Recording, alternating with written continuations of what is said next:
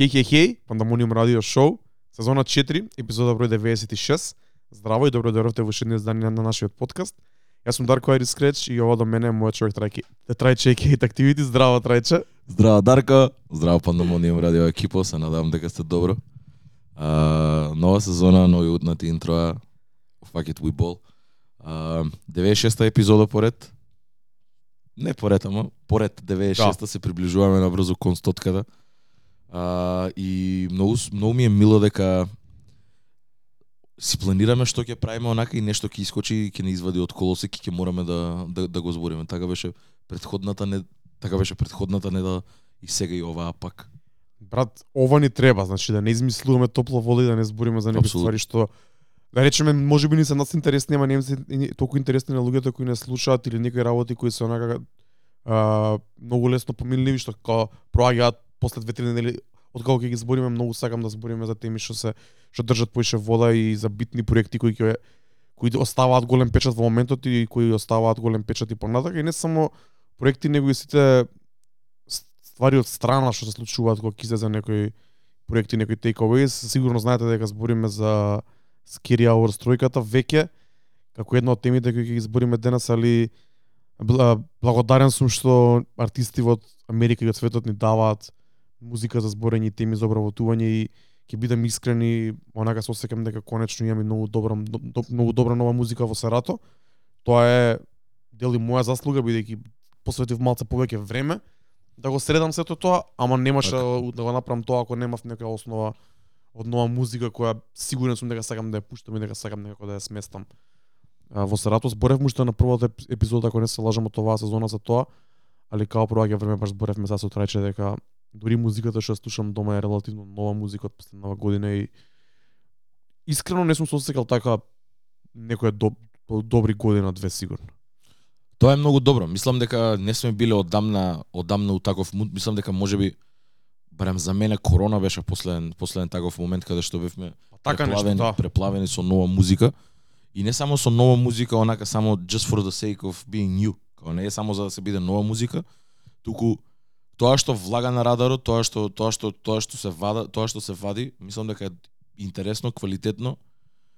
И заради тоа велам дека годинава не можам да се пожалам дека имаше лоша лоша година. Можеби на пример сваќам од твој аспект дека пак се чекаше еве кон крајот на оваа година за да искочат некои битни проекти кои што од големи артисти кои што нели ќе може ќе имаат и она и replay value, ќе имаат и она апликации во клуб и каде што можеш ти да ги пуштиш и да ги сместиш во Сарато. Ама на пример мислам за мене кој дома кој фан мислам дека имаше добри албуми кои што искочија. И мило ми е дека и ти се озаѓаш така дека сега веќе имаш музика за тебе која што можеш и дома да ја слушаш, да ја обработуваш, па и нешто да извадиш во Сарато. Не мора да значи дека е во клуб, ама може би за некоја денска журка, може би за некој приватен евент, каде и да е или нешто некое приватно нешто кое што ти ќе го организираш, ама да знаеш дека постои и го има и, и, и е опција што можеш да го извадиш и да го пуштиш. Дефинитивно, брат. Мислам дека требаше да помине малце време, односно помини повеќе време од што требаше за да добиеме нешто такво, али како што кажав и на прошла, и на прошлата епизода, ако ја немате гледано или слушано, проверете, мислам дека беше на многу добра епизода од наша страна, кај што многу добро навлегов во некои теми. Како што кажав и таму, мислам дека веќе се се врти некако кругот и тргаме некај некај подобро. Некај Мислам дека најголемата стагнација е позади нас, односно се надевам дека е така и сакам да мислам така.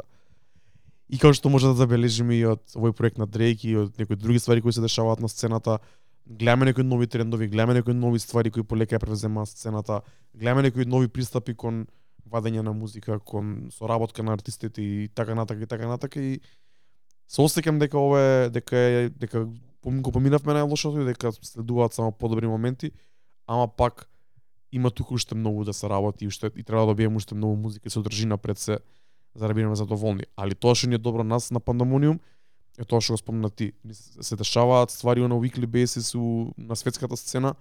Имаме што да збориме, дури имаме проекти кои не ни се обработени уште од летово, како на пример Утопија од Тревис кој ќе мора да го ставиме у некоја од следните епизоди.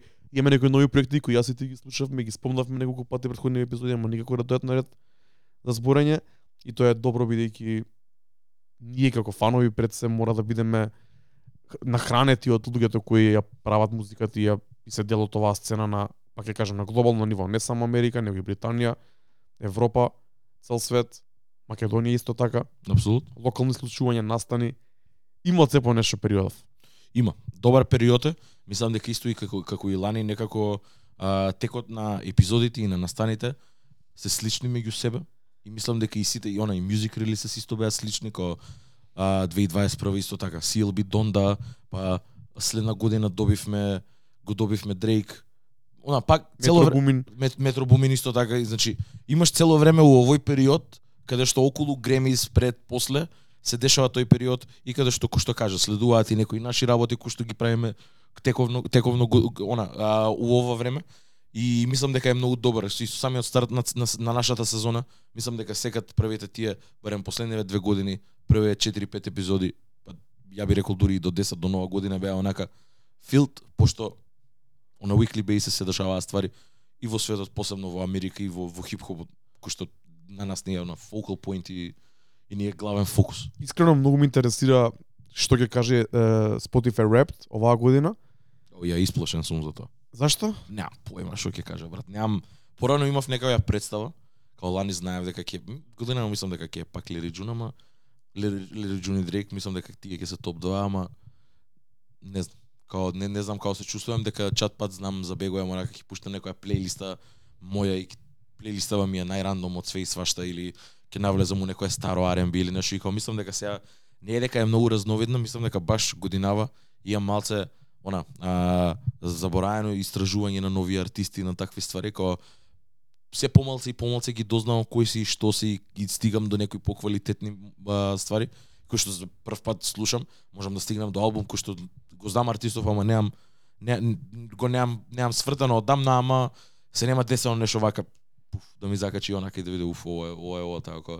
Последното нешто со кое што барем за мене е ново е новиот албум, иако него не знам името, ама на тој Quole M. Колем, да. Тоа беше многу интересно, тоа беше свежо парче онака. Од кај ти се појави тоа во ротација? Мене ми се појави само песната со AJ Tracy. И мене таа. М- Мене таа и уште една песна имаше која што е со како R&B кат, многу добра.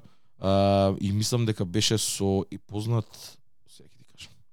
Со Cash Page мислам дека беше ако не се лажам. Албумот се вика Mellow, uh, Grandma's Kitchen. И Ја ја слушав uh, еве No Heart изгледа. Знаеме кој е Кволем. Немам појма ја искрено кој е Поставам дека кој. е некој продуцент, така. Па не знам дали е да, да- дали е продуцент, сега ќе проверам. Па брат, на оваа песна со AJ Tracy нема Да. ништо.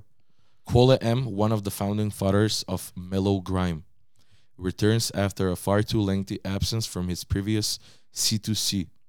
Uh, така да предпоставувам дека е некој uh, дека е некој продуцент кој што ете, uh, кој што е она го враќа на големо на голема врата uh, mellow грајмот, грајм ко музика сега да не забегуваме многу, ама грајм ко, ко правец е UK thing и е многу uh, она длабоко влезен во во таа карибска култура каде што се користат онака ридам, се користат се реупотребуваат битови, многу се користи даб, многу се користи онака електронска музика и као е многу голем микс и е најмалце хип-хоп.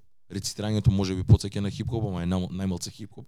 Иако луѓе највеќе знаат да го исповетуваат со со хип-хоп музиката и не им го зијам тоа за лошо нормално, али Ако не се лажам, у прва сезона го обработивме малце подлабоко. зборевме, да, така да Грајмот може као музика не не доаѓа не потекнува од хип-хоп. хип-хоп. Иако е на момент станува слична, ама има скроз друга друг начин на друга патека, друго на животен век онака и како се создава и како до, до каде стига, но тоа не е не е како како стига тоа субтракција од Да, не од- не не е као не субжанр дериват, на не не, не да, дериват, не е дериват од, од, хип-хопот, дефинитивно. А, така да, Quole M, а, неговиот последен албум, Mellow се вика, има фичер со JJ Tracy, Novelist, кој што исто така е еден великан у, у UK сцената. Има поише такви моменти, мислам дека она Mellow Grime баш интересна ствар, каде што грајмот е малце, самиот збор грајм, онака грајми нешто такво малце е марчно, отвурно, тешко е. Ова е, например, многу полесно, а ги има истите елементи на грајм, истиот начин на рапување, истото све, истиот, истите rhyme schemes, истите flows, така да мислам дека треба да се да, да се да се провери ова. Кога сме више кај UK, онаа песна на што ми ја прати после Шајо, The Ends од Broken Pen, Уф. И тоа исто така е нешто кое што го врдам онака и е Ептен UK. Дека ве молам чуете ја песната, као дури и би ја линкнале онака ако некој сака да влезе, а морате да ја чуете од кај од кај се враќав, од станица се враќав. Не, не, не, од беше Шајо излет. Уствари од Шајо, беше на Шајо излет, да, врнеше многу. Сидам дома пеш капулјача на мене онака и ставам слушалки, не знам како ми влезе песна, не знам ни што слушав и само ми отиде некаде следно радио се отвори некој и ја се пушти се пушти песнава Диенс и као збеснав онака уште до битот, до начинот на какао влага. Рефренот е многу кечи. Да. Рефренот е прекечи онака дека ако знаете било што за UK culture и ако гледа, ако имате гледано како буквално доволно е топ бој, мислам дека треба да изгледаш за чисто да, да знаеш дека колкав спектар на луѓе како има во тие да ends баш што ги изборат они како тоа се нивните гета, тоа се нивните нивните она свен сабарбс кои што се на страна од Лондон и од големите места, кои што она си имаат сериозни социјални проблеми, кои што имаат свои борби, се соочуваат со сериозни сериозни социјални прашања. А, но тоа е миксен меч од многу луѓе, многу култури и буквално рефренот е тоа каде што онака се збори за баш тој melting pot онака дека комшијата од, од, од, има најразлични комшии околу него и дека е навикнат и излу и експост на многу култури и затоа и така како сега нема нема да го израпувам цела ама користи различни начини на поздравување, да, користи, специфични користи, да, како фрази кои користат до да. арапски до све тоа. Така да многу многу многу добар момент и да таа е една од од од траките кои што онака ми остану у ротација у последен период.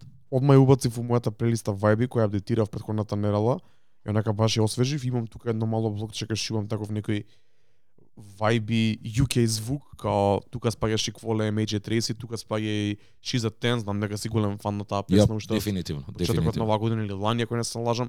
Севена јеме на трака која ти ја пуштив јас од една друга плейлиста Mellow Bars на времето. Имам тука Ени, Loyal Carner, Brilliant Mind од Blanco, Good Girls од Harry One и K-Trap, uh, као има тука некој таков slow and vibey and moody, она дрил, дрилиш звук, Така. UK звук, Така. што ми уште една, уште една зона во која многу сакам да влезам И кога ќе- посебно за есен. малце муди, малце сиво онака, Па. да го извадиш тоа прљавото од тебе. Мислам дека е добро. Кај бевме? Да што збори, мислам ова треба да го прекинеме пошто може мислам дека ќе забегаме многу ако збориме за ова. Добро бе, Тоа не. ни беше, тоа ни беше со Дарко еднакво. Еј брат, ајде да не забегуваме премногу, имаме многу ствари да покриеме, да не забегуваме во покет за да не ја, за да не треба да ги одложуваме стварите за следна недела, бидејќи И прво што направивме, и во направивме, UK.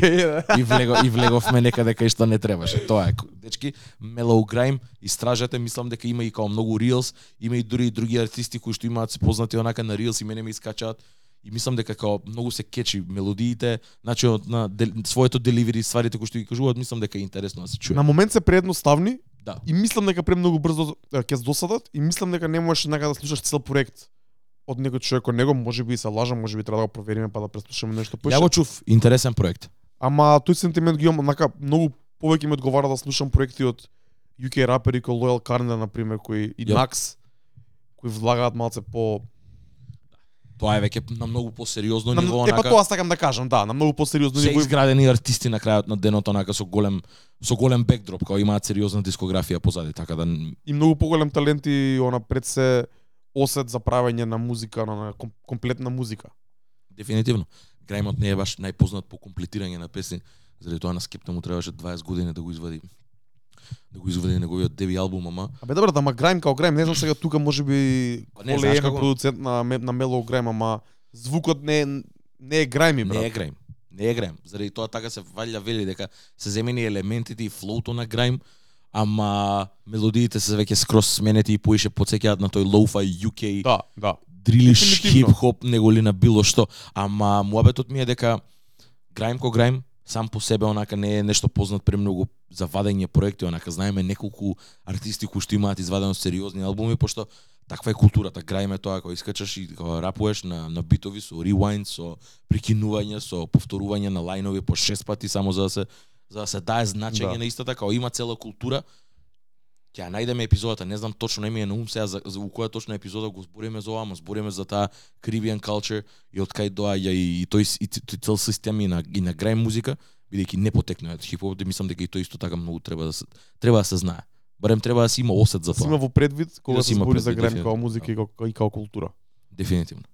Еј, да почнеме со темата на денот, Scary Hours 3, односно For All the Dogs Scary Hours Edition и спотот на Drake и J. Cole за First Person Shooter, кој мислам дека овака оваа преходна ванила го, го фатија целиот хип-хоп на Storm и мислам дека Drake со почна почнувајќи со спотот после и со додатокот на албумот со делуксот онака покажа дека ја држи играта во рака и баш беше Чоухол. се друго заборавивме. Да. Се друго заборавивме, Леди Джун дропна и други ствари дропна периодов. На ништо не можеше да му се посвети многу внимание поради овие неколку ствари кои се десија. Почнувајќи од uh, For All the Dogs кој помина време го зборевме, после месец дена добивме спот за First Person Shooter Јап. и добивме Scary Hours тројка кој беше најавен онака, не знам, у среда беше пуштен У петок. Да. Мене Многу изненаден. од first person shooter а, ја морам да признам off the bat никогаш и мислам тоа од секад било не сум голем фан на спотови. Исто. Као не сум човекот кој што а, никад некад слушал музика екстензивно на екстензивно на YouTube со спотови да да гледам да да вакво и заради тоа мислам дека и у првите две сезони го имаме зборено ова дека не ги вреднуваме толку многу спотовите и мислам дека заради тоа и македонската култура многу има као it's taking its toll, као све се сведува само на еден и за, уште у македонска музика уште една трака се вика проект. Као тоа е проблемот. Небитно. First Person Shooter ми беше онака кога гледам directed by Gibson Hazard. Gibson Hazard ми е еден човек кој што го имам онака рандом најдено у моите по а, помали по, помлади денови кога сум барал кога сум барал све живо и диво. Гибсон хазард беше едно дете, обично брат, као врсник мој. А, мислам дека една или две години е помал од мене. А, кој што онака почна да прави CGI ствари. И не знам како, немам поема како, искрено не, не, не немам навлезено толку длабоко у се до тоа, у неговиот лор, ама многу брзо се поврза со многу битни личности. И како прво нешто што имаше направено е како оне човекот што го има направено и I, I, I Just Wanna Rock видеото Добро. као сериозен продуцент, сериозен режисер, е, ама него, неговиот трик исто кој што е на, на, на Lyrical Lemonade, на Cole Bennett, кој што е на пример со анимации, неговото е со CGI. Работи со 3D и мене сега ми беше дека до доаѓам од архитектура, работам интериери, работев 3D дизајн, онака сега ми беше интересно на кој начин го прави се до тоа, толку млад, толку успешен онака со такви конекции и човеков онака само се надминува од спот у спот, као Just Wanna Rock исто така е многу откачен спот на еден начин, со тоа што кај што веќе а, имаше и они претходно едно видео направено за Дрейк, ама не знам точно кое беше, мислам дека беше за а, која влага тоа Ламборгинито у, у таа арената која се руши у шо и да е у у Лейкерс арената, у што влага нешто, око UVO нешто беше, дали беше за Diplomatic Community, пак нешто беше за Scary Hours, мислам дека некоја анимација имаше извадено тогаш не е ни битно. Знам дека Гибсон Хазард не е прв пат да соработува со Дрейк и знае дека е нешто многу откачано и кога видов за First Person Shooter дека е уствари сваќам и сваќам дека таа е најбитната песна од целиот од целиот албум. Мислам дека стана најбитно со реакцијата на луѓето. Па, J. Cole и Дрейк се брат, као двајцата великани се на претходната и на оваа генерација, као тоа е. Ај кога сме тука. Уште не пуштена како што треба. Треба. Не, не можам да го најдам, не можам да ја најдам примената уште во моите сетови кај што пуштав периодов. Ќе На некој викендов ќе ја пуштам сигурно. Ама секој пат онака се викам вечерва ја пуштам, вечерва ја пуштам. Мора. Не можам да не можам да да, да, да ја најдам примената. On the one брат. On the one. И тоа не, ама во кој дел од вечерта как ме сваќаш као не знам. Треба треба да ја пуштам повеќе пати за да успеам да го Да, постигнем како што треба тоа. Не дека ја немам пуштено воопшто, ама ја немам пуштено како што треба. така. Разбирам, интересна песна е, специфична песна е и као добива третман видео спот и го пуштам спотов. Реално очекувањата не беа високи, ама очекував да биде нешто откачено, знаејќи Добро. го Гибсон Хазард онака како како режисер. Добро. И брат, тоа што го видов беше онака и као морав да отидам одма како keyboard, keyboard warrior, отидов на Дискордот и почнав да пишувам као дека стварно визуелно едно од најдобрите нешто што ги имам видено последнава година. Може би recent memory као зборам 4-5 години каде што посебно дека сум човек кој што не можеш да знам Кол Бенет и све тоа и дека има онака еве на пример и као ова може би нема толку артистична а, она како на пример спотовите на Кендрик или нешто, ама ова е најраперскиот спот брат за последните неколку Зашто години мислиш така? Што значи тоа твојата глава? Па брат, раперски, па ја кога ќе кажам најраперски спот или раперски нешто која ми значи, буквално го има ги има сите тие елементи на таков рапер брат, од курч до покажување до све тоа, мислам се флекс, ајде ќе го искористам зборот флекс до од флексање до а, до значи све тоа што може еден рапер брат да го прави, све што тоа репрезентира еден рапер, буквално на од кај доаѓа све, значи се покажува и арената у Торонто, од кај доаѓа, што е, како е, а врската со Кол, се се референцираат такви моменти кои што се blown out of proportions као Меси, Кристијано Да. Роналдо, иако се деси тоа пред 6 месеци онака Као Па добро, ма тоа е релативно ново, брат. тоа сам да ти кажам.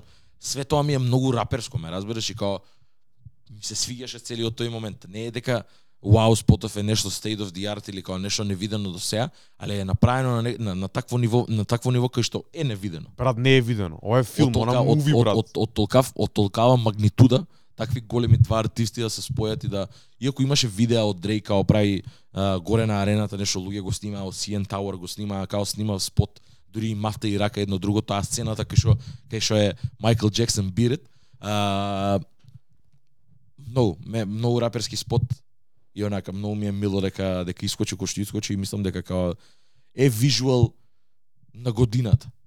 Само по магнитудата и начинот на кој што е изведен брат. Као многу елементи, многу сцени, многу катсинс, тоа со кучињата у лифтот, као ги има тие сите тие референции кои што ги- и заради тоа ти викам многу е раперски, многу она кога ќе го дисектираш е многу раперски, као разбирам дека можеби артистична а, она вредност нема кој на пример на а, као се викаш ова а, песнава од Кендрик Ламар кој што се тепаат, као се викаше? Што ја збораме, заборев толку ми отиде умат Не знам, добро. и We Cry Together или како и да се викаше да.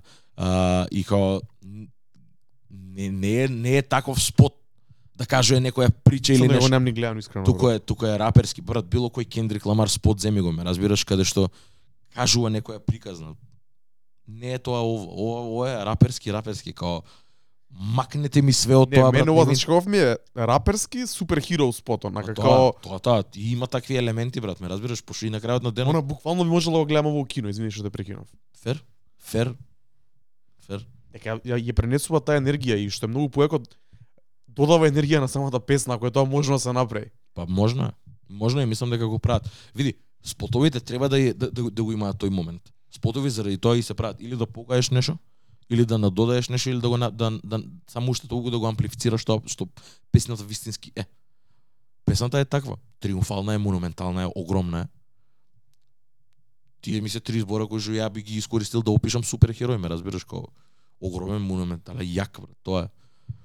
Иста и песна и да, дефинитивно само додава на тоа кога го прави уште толку појако и мене многу ми се свиеше брат. Неколку пати не се нема десама брат. Три пати да вратам спот од 5 минути брат. Не, не се дешава брат. Може ќе гледам било кое друго видео, Андон ќе го гледам брат, како прави пен пица ме Го разбираш. гледав.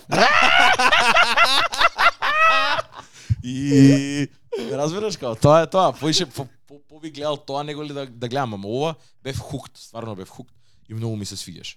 Стварно ми се свиѓаше онака ми извади од пати ги скроз. И тоа, тоа беше мојот стейтмент дека ова е најраперскиот и најдобриот спот вижуал последниве 3-4 години, in recent memory онака. Многу раперски, многу голем, многу монументално, онака супер херојски, со пропер CGI моменти, со пропер све, онака многу елементи набрајани скоцкани во многу јак спот. Мене ме остои ептен онака, као стварно мислам дека луѓе треба да го гледаат и да уствари така се сваќа и брат, и ми ја покажува големината уствари на двајцата, брат. Колку се големи и двајцата и посебно дека се заедно се е уште толку, брат. Ме разбираш, само се И тоа е многу јак момент, брат, дека можеа да одлучат да бидат непријатели или што и да е, брат. И као не, брат, пријатели сме. Се враќаме после 12 години, брат. 2011 е, брат, кога и да in the morning, кога е. Брат. Од тогаш немаат да соработувано луѓе од двајца, од двајца заедно, брат. И многу јак момент ми е онака како full circle моментот целиот тој како in the morning онака спотот да го гледаш како таков бавен е пиуцка нешто Дрейк уште е таков не, не е трансформиран кој што е сега како многу е смешан онака Cole исто брат кец шишан онака слабичок со со катанец овде како ме разбираш други- само што почнуваат ме разбираш беше тогаш. Тоа сам да ти кажам и сега имаш по 11 години брат, кога ги гледаш дека се великани ме, разбираш и како многу јак момент има, многу јак онака арч има село до и мислам дека е кулминација на се не би рекол на нивните кариери, ама како добар момент е за Добар момент. хип-хопот. Ме разбираш, Да, добар момент е за хип-хопот и дека овеко овековечено со спот мислам дека исто така уште го прави уште толку поголемо. И многу ми се свија.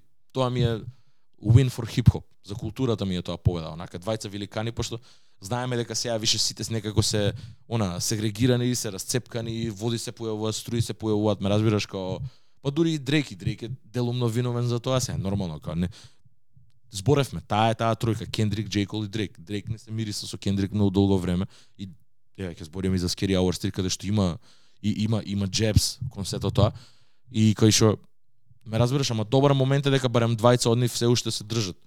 Што на папир треба. Cole и Кендрик да се поише. Ме разбираш, као ако Да, ама тоа е според стилот на музика, според карактери, според сам да ти кажам. тоа е друго, брат. тоа сам да ти кажам. И заради тоа ми е многу јако. Многу голем момент ми Јас само едно ги кажам, јас уште помалку од тебе гледам спотови и не ги вреднувам толку, посебно во време кога секој прави спот, секој артист од македонската сцена има направено спот, секој артист од американската сцена има направено спот и проекти, вади нешто и со текот на времето тоа станува многу репетитивно и само се копираат еден со, друг дека реално на толку спотови, на толку музика што е слична помеѓу себе не ни можеш да извадиш нека нова идеја и некоја нова естетика. Ова е нешто што е скроз различно од тоа. И ова е као пропер, ова е покажува левел to shit, онака, као ова е пропер муви за ова не е спот, ова е филм, ова е нешто друго.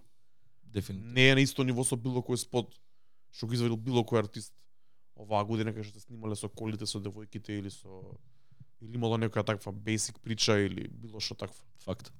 Ова ми е као многу ниво на на тоа и затоа викам дека можам да да се видам како гледам ово кино и ова може биде и онака филм филм филм цело се направи според ова да биде некој таков Да. Ептен е синематик, ептен е има таа енергија и целите бои и начинот на кој што се менја се и тие прелази со кучињата кога он иде малаце Да, го да, покажува да. него со маската, малаце го покажува тука кој има некои многу јаки моменти што го делуваат овој спотот многу други спотови кои држи гледал, хукт, треба а да не гледам гледаш. спотови ги кажам пак и не ги вреднувам толку многу. Исто, исто, исто, исто. А, ама да, де, дефинитивно добро момент за хип-хопот. Па со тоа па после за, за да бидеме наградени и со и со Scary Hours 3 онака беше најавено одма по тоа? Или пред тоа? Не се сеќавам точно кога излезе спотот и како беше најавен, како беше најавен Scary Hours 3 бидејќи не го испратив тоа толку. Мислам дека прво беше спотот, после беше Scary Hours 3. А, мислам дека беше така, да. Во среда, во, во среда беше најавено, а ова беше пред тоа. А, и мислам дека као дали дали у ден два размах ги добивме. Така нешто, да. Суксесивно ги добивме. Што тоа како го прави Дрейк да биде да го држи цел цел цел хип-хоп chokehold онака и да само тој да биде of the town буквално брат. Па искрено така се осеќам ја ов, Така. оваа нерала ов, две. ов, овие две недели посебно да, дефинитивно. Мислам дека претходно беше толков толков да таму беше онака муабетот на J. Cole со Lil Yachty бидејќи опфати многу повеќе генерации од хип-хопот, посебно тие луѓе што се на интернет.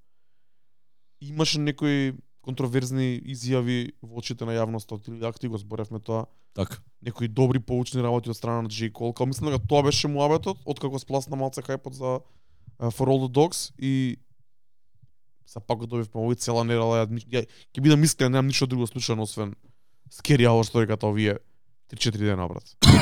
Многу јако. Многу јако. А, првенствено, Scary Hours 3 беше најавено као Scary Hours 1-2, исто така се као EP, EPs посебни. Првото е Тупек. Второто беше Форпек, ако не се лажам. Јап, ама беа посебни проекти.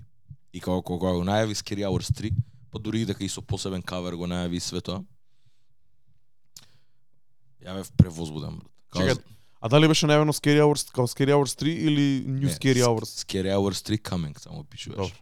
Као ја мислев дека е посебен проект, мислев дека ќе биде пак онака тупек, трипек, како и да е краток проект онака.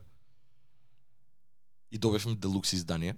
Малце Ајде да го да го трестираме прво тоа. Малце сум љут за тоа, искрено. Ја не, не верувам дека на Дрейк му треба таков момент. Тоа е може би раб- работава што ме нервира многу кај Дрейк.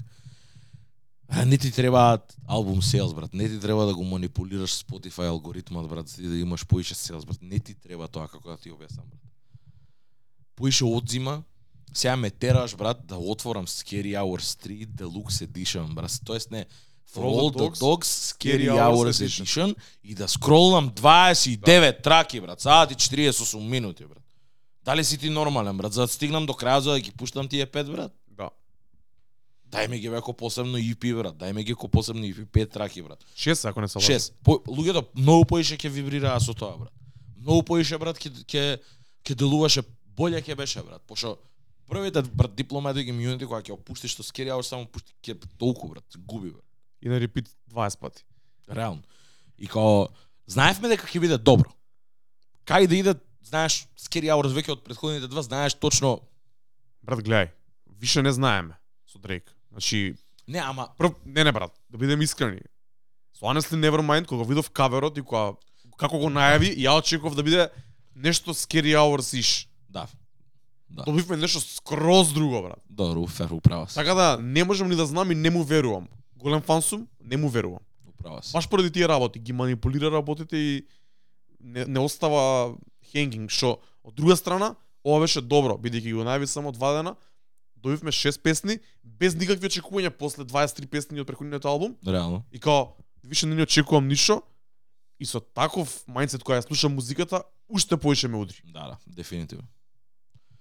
И мислам дека онака ја моментот уште која која која ја пуштив првата значи ова направив. Отварам, окей, Midnight искача, легнав, не го слушав таа вечер. Се разбудив 7 саат сабајле. Прво нешто што правам, отварам само так так Spotify, отварам, скролнав. Се нервираш? Ти тегна, викам, Така. ајбе да ти ебам мајка. Да, да, да. Зашто викам се ова е направено? Викам многу ми изнервира тоа. Тоа ми Да. беше првиот момент онака кај што преврате в очи кај што викам не ти треба ова као кој се кој, кој, кој, која е потребава од најголемиот артист на светот врат ова да го прави. Брат, го зборевме тоа, требаше да ниту да биде со помалце песни, не со повеќе. Така, не со поише песни брат.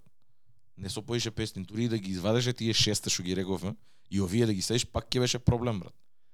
Или у најлош, случај стаи ги најгоре, брат. Некако тоа Или- може би има, има Или- најмногу логика. и- Или тоа, дефинитивно брат. Дефинитивно. А нека продолжи после со И као, класичната окей, верзија. ја пуштам и прва песна, гледам Red Button и толку. Тука. Пресеков, брат. Тоа, Со самиот старт со семплот со се, така.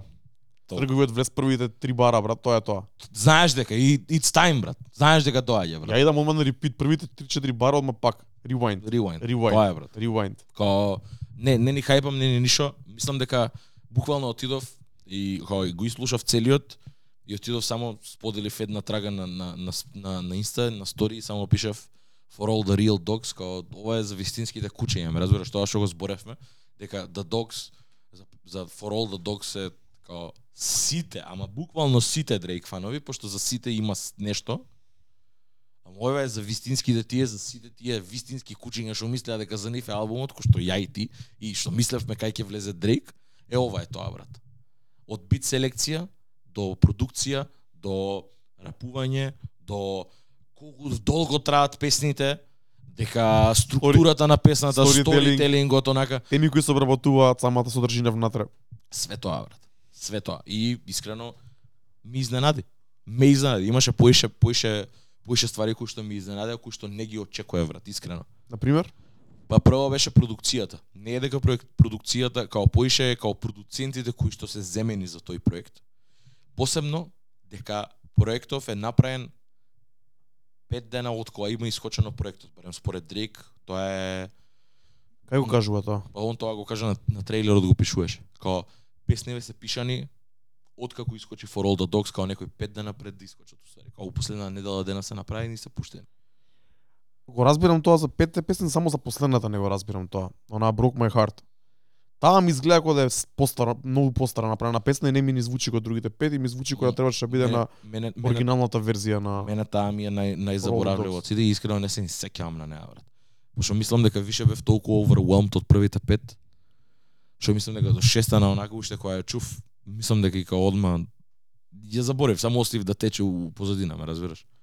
Али многу сериозна ствар, искрено, као не ни Дрейк Дрейк фан сум огромен факт. Но као ова е тоа што мислам дека луѓе го бара и тоа што го очекува.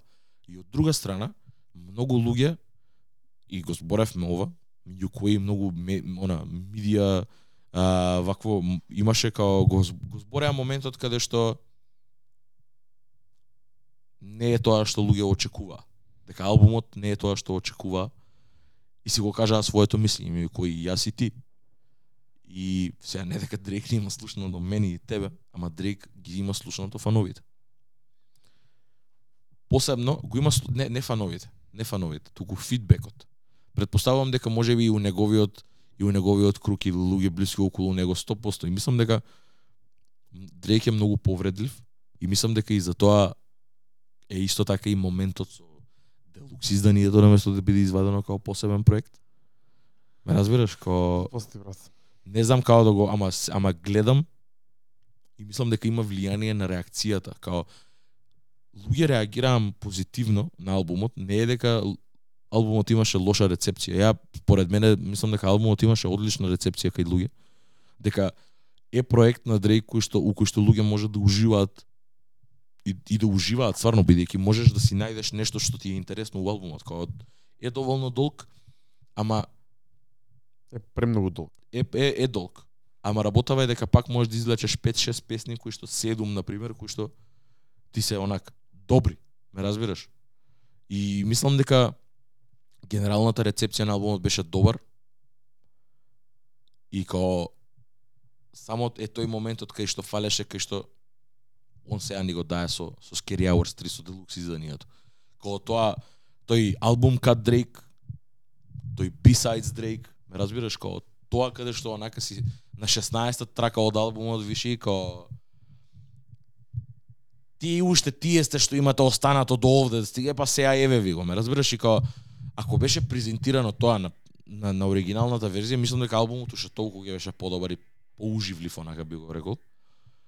Али сега на пример ова со ова на пример сега можам комодно да извадам ако еве го земам цел албум, е сега да си направам е сега можам да си направам своја верзија на For All the Dogs.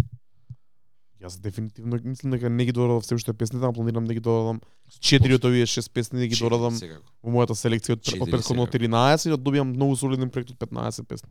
Четири секако без збор брат. Ајде идеме песна по песна, сакаш или Може. Red Button? Red Button, првата песна, а, каде што онака таа е песната која што мене уствари ме ме натера да кој што вика Дарко да ја вратам три пати онака бидејќи е многу сериозна сериоз си, сите сери- сите се сериозни песни брат. Извини, го слушаше ова на, на лаптоп или на телефон? на слушалки брат. Не дека сега го гледам како е напишано како диск 1 и диск 2 има. Или ова може би е нешто ново, са прв пат го гледам брат. Еве го. Појма не. Не, глед, не немам ви- немам проверено тоа. Кај мене не го дава така, на Spotify на на мобайл верзии не дава. телефон не го дава така, сега прв пат го гледам брат. Као самото EP е поделено на Албумот е поделен А, на диск албумот. 1 и диск 2. и диск 2 е уствари Да. Откачано. Пак уште еден момент на нешто праење со селс, брат, манипулирање. Појма немам. Добро? Извини што те прекинав брат. А, не, нема врска. А, ова, значи уште самиот, уште самата, уште самата, уште самиот момент, уште кога кога влага, уште битот кога ќе го чуеш, семплот, одма знаеш дека влага у, по, у некој потемен, помрачен Да. мајндсет онака. Знаеш одма е промена на енергија, кога знаеш дека веќе в- влезне си длабоко. И она, Red Button, целиот тој момент знаеме дека е као деструкција, најчесто нешто експлозиви и детонит. И знаев дека нешто ќе биде онака и е многу курчање и онака многу брат а, highly decorated толку. Rewind. Буквално. А, многу многу има има има као The most decorated competition decimated. My drive is dedicated, your drive is designated. види, не е дека као вау, кој знае, кој целиот и целиот райм ским е такво, као целиот райм ским му уствари онака курчење и као со ај ај ај со јас јас јас. Овде дури го спомнува Кање, го, го збори тој моментот каде што имаат трус, па за на крај да биде предаен од Кање дека демек Kanye didn't mean it или едно друго, заради тоа и, и он, он го имаш и I did, I did that shit for uh, како се викаше овој? Принц. Да. So I, I did that shit for J Prince. да. Демек као разбирам се до тоа, ама сваѓам дека еве на пример као е повреден од целата таа ситуација и као више и заради тоа се вика и Ред Батан и му е Ама Фереше го кажува брат. Фереше го кажа, мислам дека го адресира, го адресира на, на, на прав начин. Реално можеше да биде многу полошо кажано ова. А, и мислам дека го адресира на прав начин. Битот исто така е можеби м- м- мојот омилен од сите овие а, што се најдоа на на на, на тоа EP, на на Scary Hours и битов е продуциран од Overcast. Overcast исто така тоа зборев со Дарко. А, примерно другиве продуценти се Кондактор, кој што исто така е на RAM и Charlotte, а, и Алхемист кој што реално е Алхемист и е моментално онака како го има го доживува својот својата втора реинкарнација онака и во, на, на, во такво големо светло каде што ете сега веќе после се тоа што има постигнато после покрај сите тие проекти кои што ги има во последните 3-4 години из, из, издадено со феноменален аутпут на крај завршува се, и годинава ја завршува со Алхи, со со Дрейк пласман, ме разбираш, као can't get higher than this, брат. То ова ова е врвот каде што веќе најголемиот артист на светот онака а, бара бит, ме разбираш, као тоа е. Као Кендрик има има има вакво. Еви Дрейк сега има пласман, а, тоест Алхимист има пласман на Дрейк проектот. У една година, брат, ме разбираш, се гледа дека Райзот е онака метеорик, брат. Од каде од каде почна, од каде и као дека Алхимист го имаме зборено Алхимист и мислам дека со, со ова конкретно со овој момент мене ми станува онака топ 5 certified продуценти of all time. Као зборам заедно со Kanye, со J Dilla, со сите песна најголеми. продуцентот тука? А, он е продуцент на како се викаше бе? Чекај, извини. На на The Shoe Fits, не, на Wickman. На Wickman. Он е он е продуцент на Wickman. Тоа ми е најслабиот бит брат од сите и најслаба песна. Па многу е чуден. Искрено. Многу е чуден, многу е чуден. А, дека е таков риврст, а ме потсеќа на пример на нешто кое што би го направил OVO 40 и мислам дека и Поради тој лоуфи момент. Да, и мислам дека заради тоа можеби и на Дрейк му има пријано самиот бит.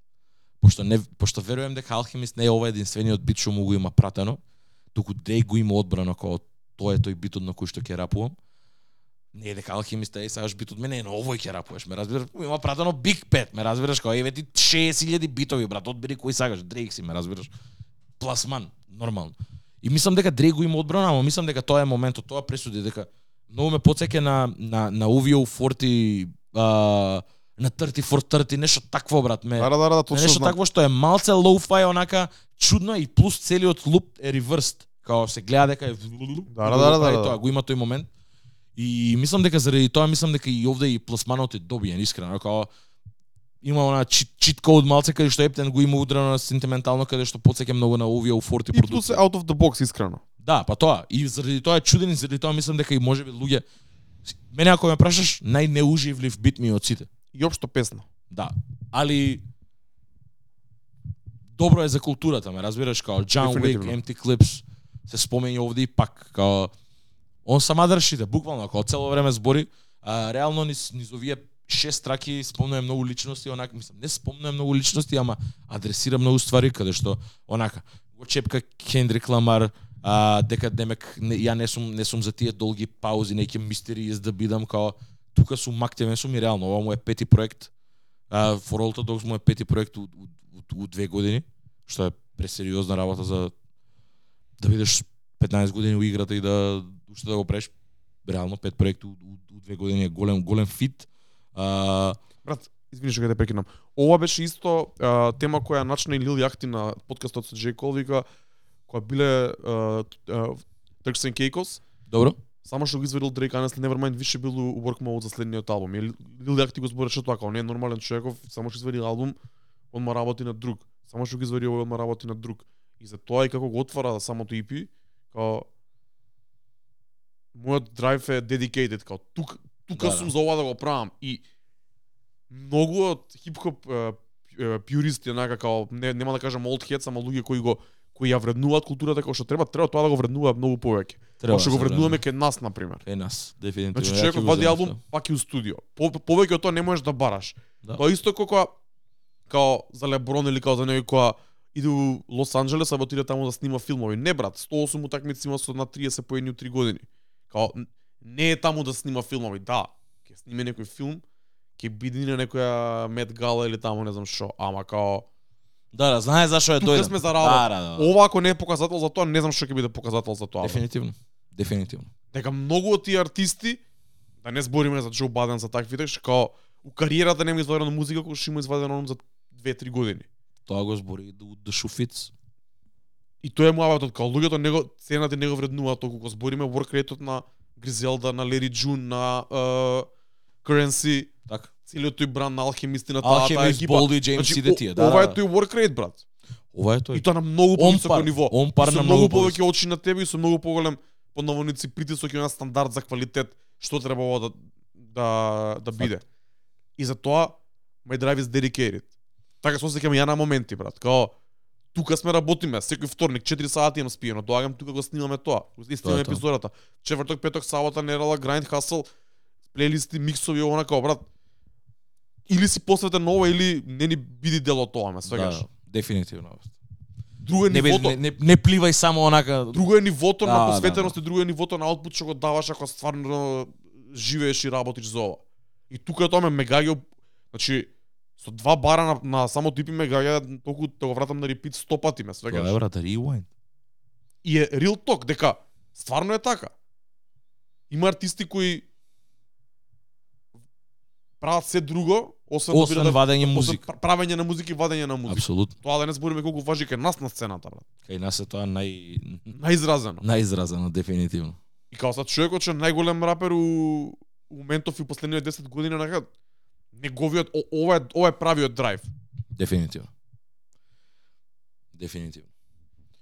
А, втората песна од Red Button веќе влагаме у Stories About My Brother. Мене, например, оваа може би ми е онака Хайлайт? хайлайт. Многу ми е јака дека а, интересна песна е каде што онака Дрейк го го слави животот, нивниот лукс, луксузен живот на него и неговите браќа. И уствари песната се вика Stories About My Brother и уствари а, Дрейк као цело време комплетно збори и за него, пошто неговите браќа ваѓа да се цело време со него и као он тоа што прави не, и прават и неговите браќа и мислам дека као е славење на, на буквално на тоа што они имаат изградено Да. не само Дрейк и луѓето покрај него, бидејќи неговите најблиски луѓе имаат и многу бизниси изградено покрај него и се многу успешни во тоа што го прават.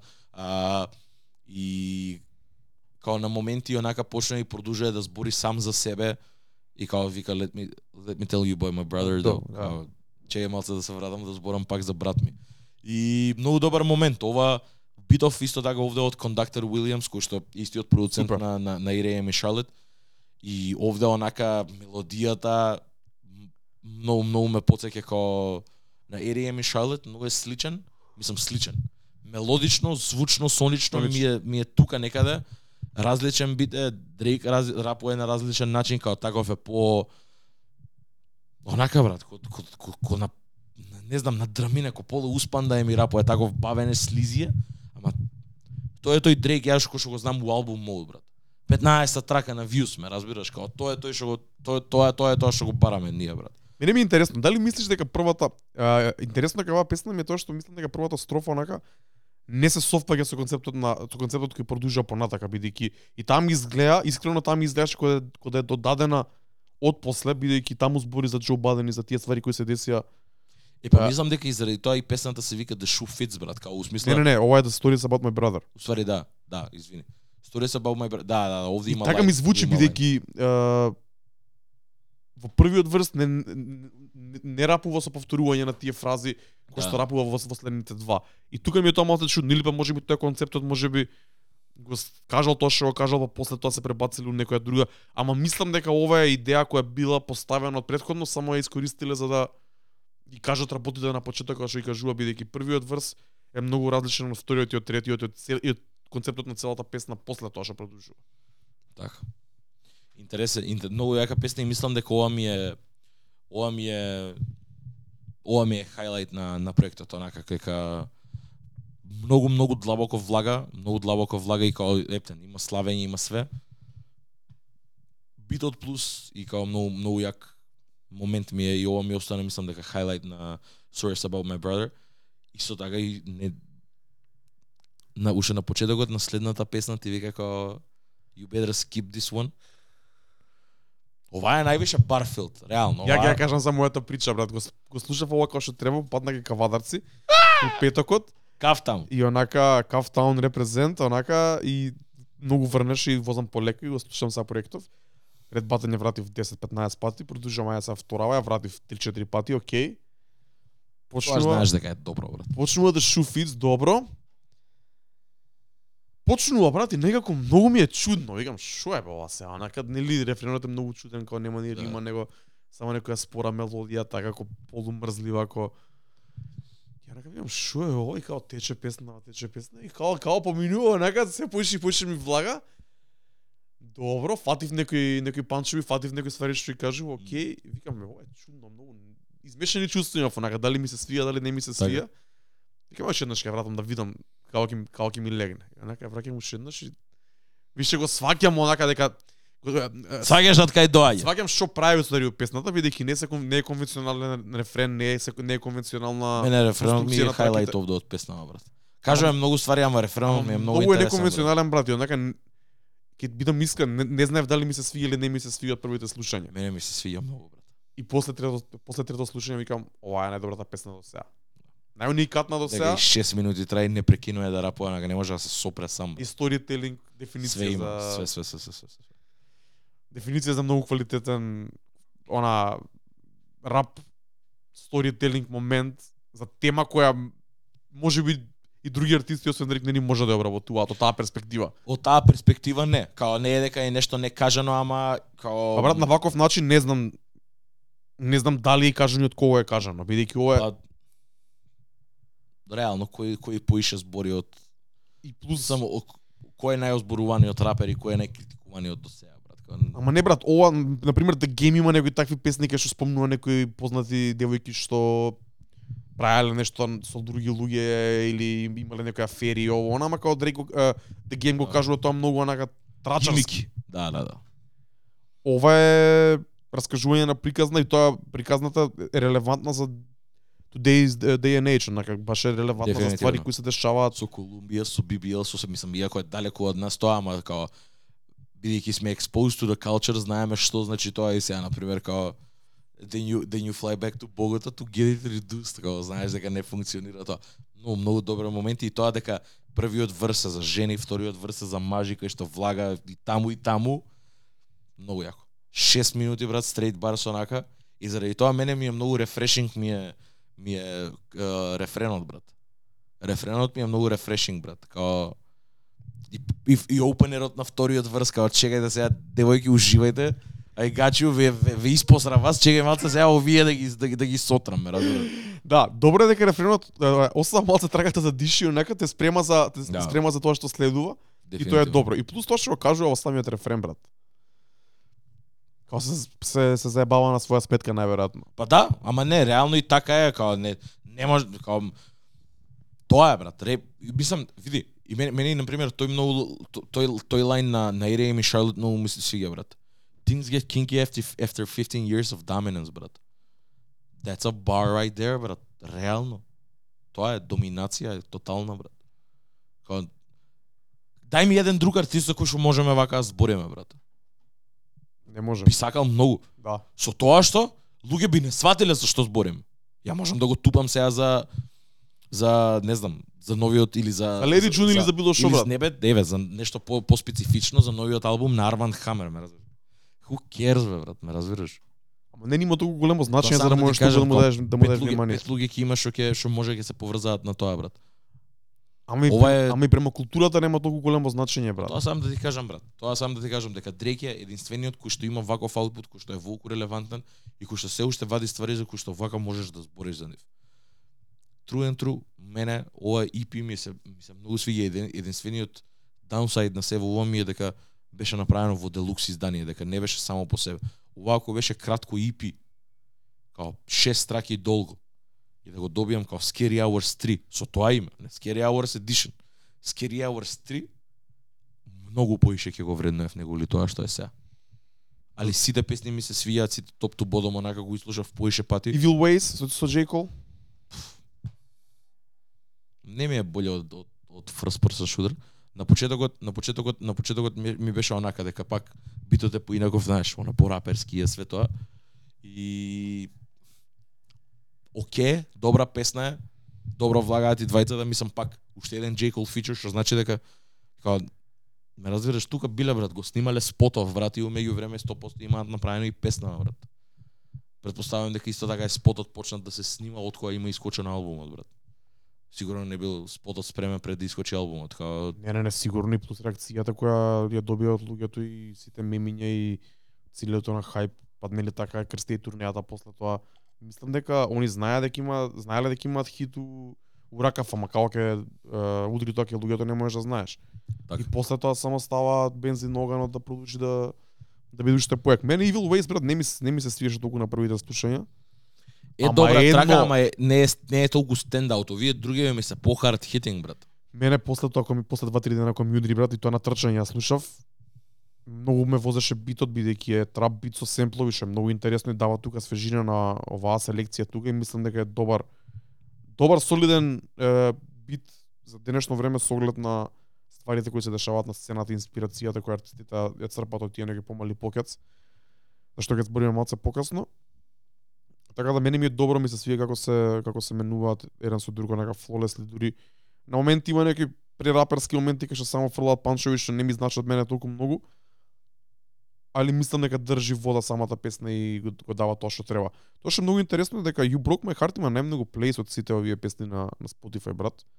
У првите 5 дена, 6 милиони и 500 илјади има, милион и пол и скоро два повеќе од втората нај најслушана која е Evil Ways. Што е многу интересно бидејќи ти рече дека не ти не ти влегла мене и мене ми се свига како песна, али не ми се поклапа во овие шест тука.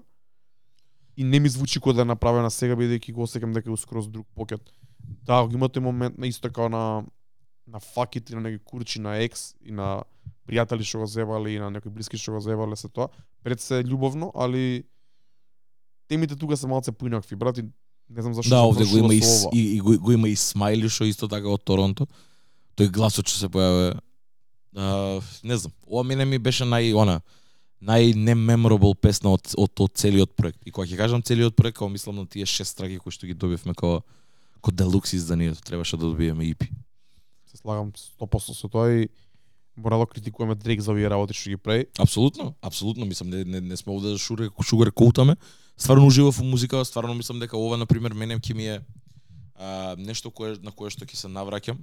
Може би не толку многу, ама сега периодов конкретно мислам дека ќе ми легне многу онака. Посебно у слушалки го сами се пуштам некаде пешки брат.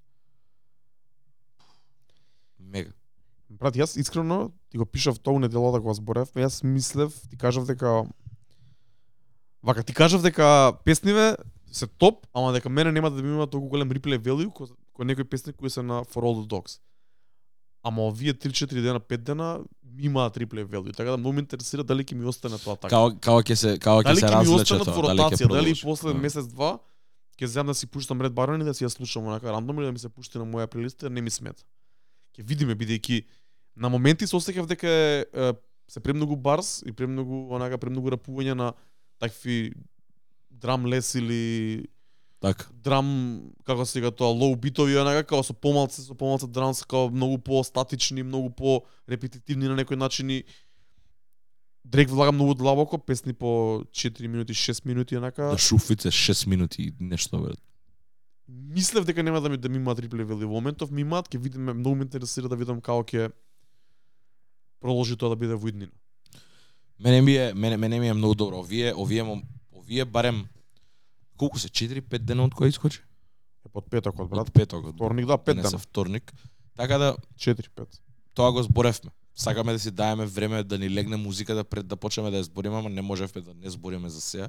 Сега за за за Scary Hours бидејќи беше surprise релиз и стварно моментот кога искочи онака мислам дека сите упаливме вакво и пак кај нас дискордот исто така се распали многу а и почнаа да зборат луѓе за е ова е тоа што баравме како онака дури и луѓе луѓе кои што не уживаа у албумот For All the Dogs до толку многу дека како беа поише критички настроени овие пет песни им се свијаше им се свијаа многу Ај, Имаше- кажи, имаше- кажи што се збори од Дискордот, па после ме интересира дали ова тоа што го баравме од Дрейк. Али прво кажи ми коментарите од Дискорд на страна Па, тоа. не, види, не се сеќам, не се сеќам конкретно на, на, на луѓе кои што точно кажал, ама као Тоа рецепцијата беше реакцијата општа. ре, ре, рецепцијата и реакцијата беше позитивна, у смисла дека као ова е тоа брат. Ова е тоа според мене и, и според мене, и според мене ова беа моите очекувања од For All the Dogs. Е сега. Ја не би рекол, не би рекол дека ја очекував дека ја очекував битови од кондактер и од вакво. Тоа ми е све ново. И мене тоа ми е уште толку повеќе сум изненадан од тоа дека се има десено. Ама кога ќе кажам дека ова е тоа, ја очекував оваа енергија од Дрейк. На тоа мислам. Тоа е точно. Не би очекувал ја Дрейк дека ќе застане и ќе побара бит од алхимист и ќе побара бит од Кондактор.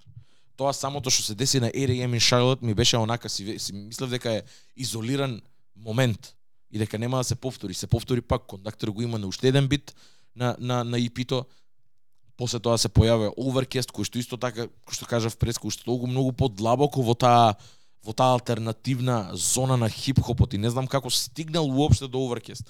И како Overcast бит има, има стигнато, ама мило ми е дека е таму. Ама ни у милион години не би помислил дека Дрейк на свој собствен релиз би ставил такво нешто, ме разбираш, посебно е дека би влегол толку длабоко. Од друга страна, знаеме дека Дрейк има песна со Бени да бучи уште од 2019 година, која Гризел уште беа свежи свежи, која уште толку не беа многу прославени. И кога Бени има зборено за тоа, таа песна никад нема искочено, има ликнато, можат луѓе да ја најдат. Ама и тогаш поише е Дрейк бит него ли што е Бени да Бучер бит. Не, некој некоја златна средина, интересно е. И као не можеш да очекуваш дека Дрейк ќе настапи вага како што настапи. Ама енергијата е таа.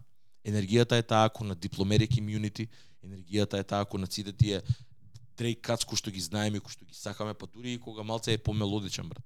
Таа енергијата, тие се тие барс, таа е таа емоција која што он ја пренесува преку музиката. Сега, малце во поинаков момент, потекнати од реакција и од фидбек, и да врати на луѓе, и да врати на критичари, мислам заради тоа така. И многу е саден. Музиката заради тоа е и таква кој што е. Сега е презент, као многу е сегашна. Дека буквално се гледа, немој нормално. Сега кој што кажам, можеби You Broke My Heart, можеби е малце постара. Брат, гледај, Може они имаат некој- демо траки и основи за голем дел од овие песни, али се гледа дека тоа што е пишувано е најверојатно напишано тоа што не можеле ги имале имале замислатели рефренот или можеби некоја идеја па после земале да направат целата песна, бидејќи знам Така. како идат тие работи во студио, они само фрлат идеи и они во студио ги имаат тие идеи сп- спремни, снимени некои мелодии, некои текстови, некои тематики, овој бит би одговарала оваа тематика. И кога Така. имаш тоа е многу полесно после да седнеш и да напишеш песна, бидејќи да, да, да го напишеш текстот за рапување, бидејќи концептот на песна е многу потешко да го смислиш отколку 16 бара или 32 бара кои овие случаи тука што беа. Така. Заради тоа, мислам дека мислам дека ова е многу добар момент а, и исто така за мене барем е битно дека Дрейк слуша фидбек. Што значи тоа, брат?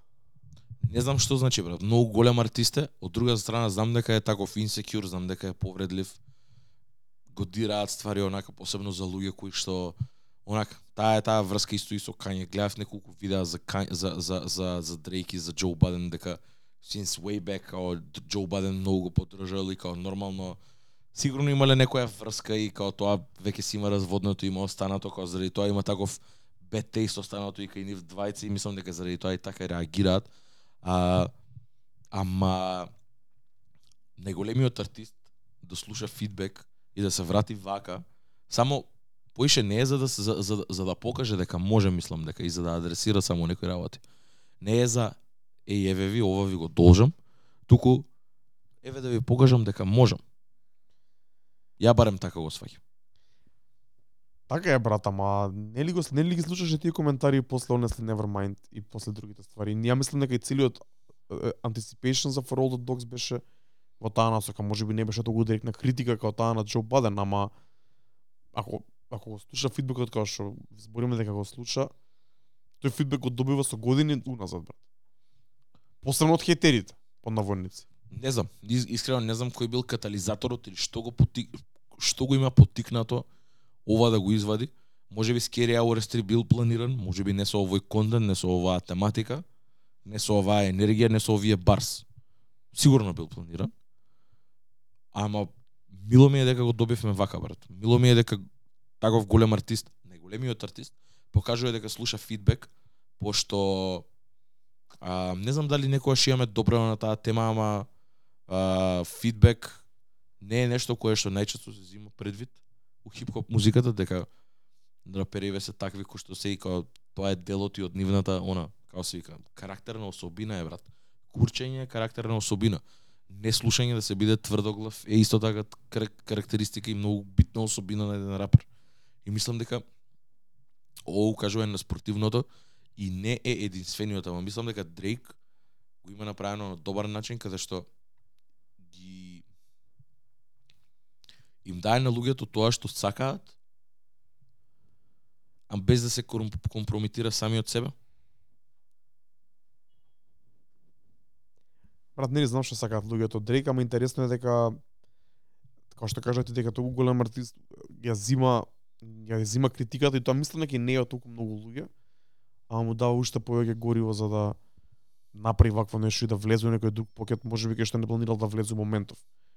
Што е многу интересно бидејќи не знам не знам дали луѓе го прават тоа, а според а со новите начини на вадење на музика, колку е лесно и колку е лесно да се направи да се дропне тоа на Spotify у рок од неколку дена, мислам дека и повеќе луѓе треба да го прават тоа и да да снимат онака музиката да биде по како што кажат ти по сегашна онака да биде моментално направена и за брзо време извадена за да биде најрелевантна со луѓето и да залепи нај Па да. најреално. Па да. А конкретно, а, ова ова ова, ова ме потекна да го кажам бидејќи исто такво нешто како што е реално е хип-хоп, ама е далечно и од мене и од тебе.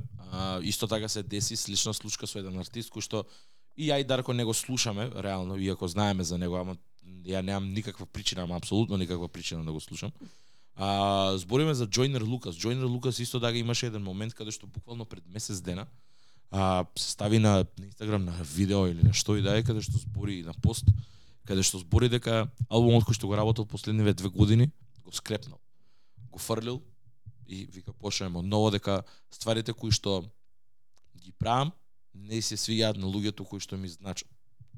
Пуштил на некои фанови, вали, дали имал private listening session, дали тоа се синглови кои што веќе се година, година и пол стари, А, пошто Джойнер Лукас е многу чудене у целава култура, брат. Као нема никакво влијание, има некакви врски, има некакви контакти, добива фичера со артисти кои што се исто толку кринџи ко него и е као многу чудно и не знам каде припаѓа во спектарот на хип-хопот. Нигде, брат.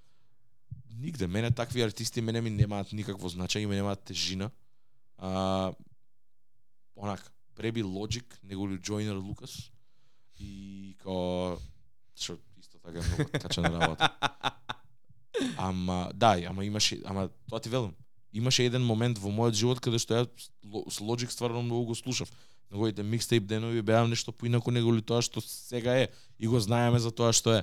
Ама Джойнер Лукас а, буквално имаше отворено ако се стаи на се стаи видео или што и да е, може да го отворите. Мислам дека уште стои на неговиот профил и каде што и ги слушнав моите фанови.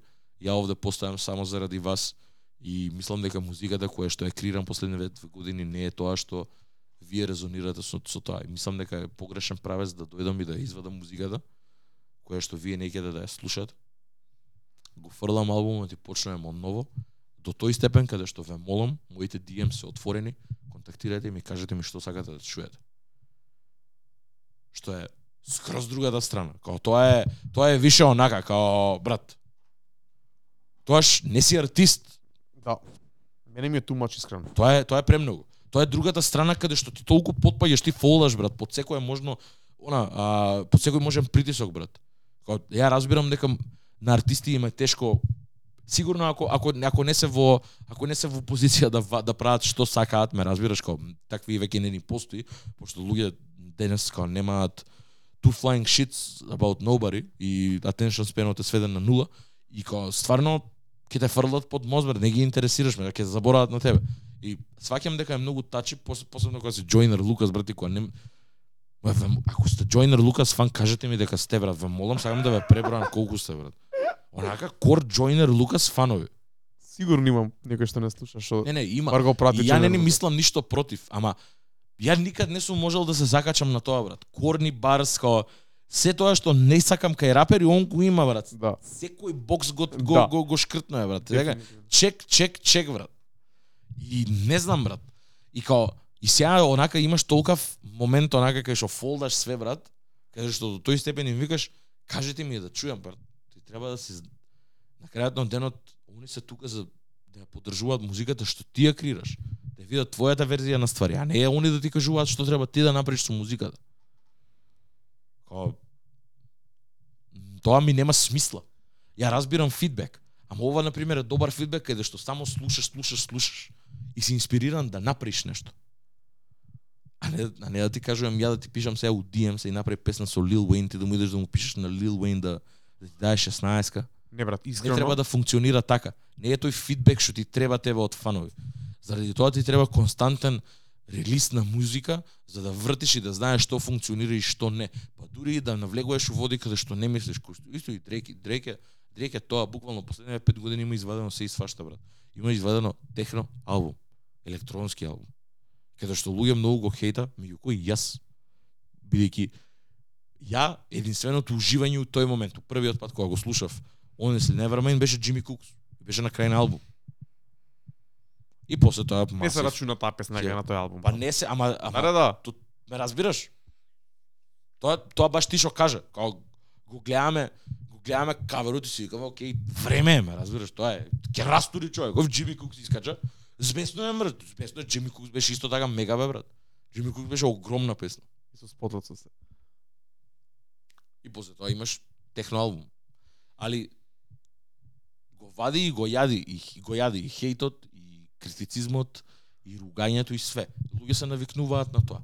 Джойнер Лугас е другата страна каде што тотално уште нема нема ни извадено албумот, го има пуштено одредени луѓе и после од одредени песни на интернетот. И чита коментарите, сваќа дека не се позитивни и иде и го кине цел материјал што го има снимено до сега за да почне од ново. Кај почнуваш тогаш од ново? Чекај брат, ама знаеш како е работата? Јас не сум фан на Джунер Лукас.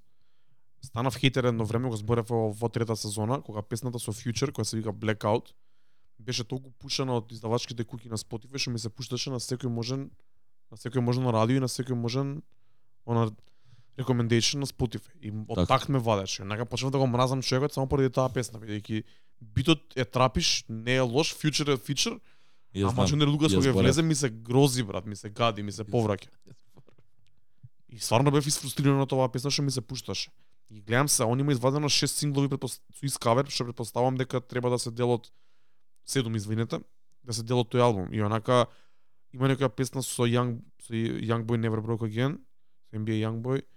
А, има некои други синглови, предпоставувам искрено дека може би е момент на пробување на некои ствари што не им се свијат на фановите ако премногу сака да да да го направи тој кросовер апил или може би не кросовер него тие да речеме индустријски фичерс и индустријски да. звук што може би неговите фанови не го сакаат тоа од него. Предпоставам дека е така бидејќи као што гледам според синглови, онака и според тоа што знам колку ме нервираше песната со Future, го имам можеби тоа чувство дека предпоставувам дека Джонер Лукас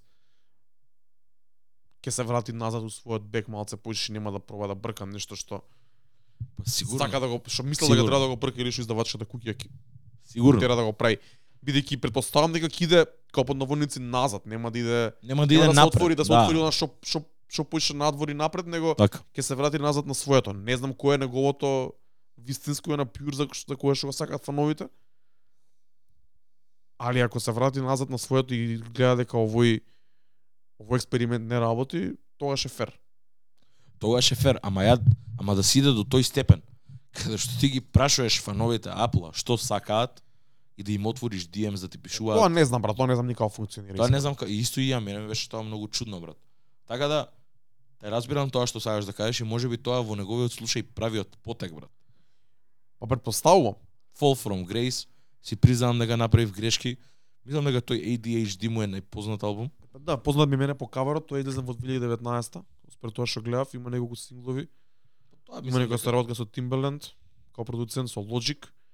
Од Таа му е 2019. најпознат. Ај си скао. Да, Само таа ја знам брат, само таа ја знам. Таа е единствената песна што ја знам од Joyner Lucas. И ја знам по име. Не не знам ни по мелодија да ме пуштиш, нема ни да ми текне на неа. Само знам ISIS Joyner Lucas featuring Logic. Толку. ADHD е 2020, ама сингловите беа 2019 излезени во март 2020, Така. значи во ковид. И тук има некои трап соработки, гледам дека има Young Tuck, има Logic, има Крис Браун, Timbaland, не е толку трап, значи Fabulous. Така да предпоставувам дека е по pure хип хоп звук. Појма По раперски. Да. Не знам. Али муабетот е дека а, рап културата и рап музиката не е нешто премногу склона на слушање на фидбек.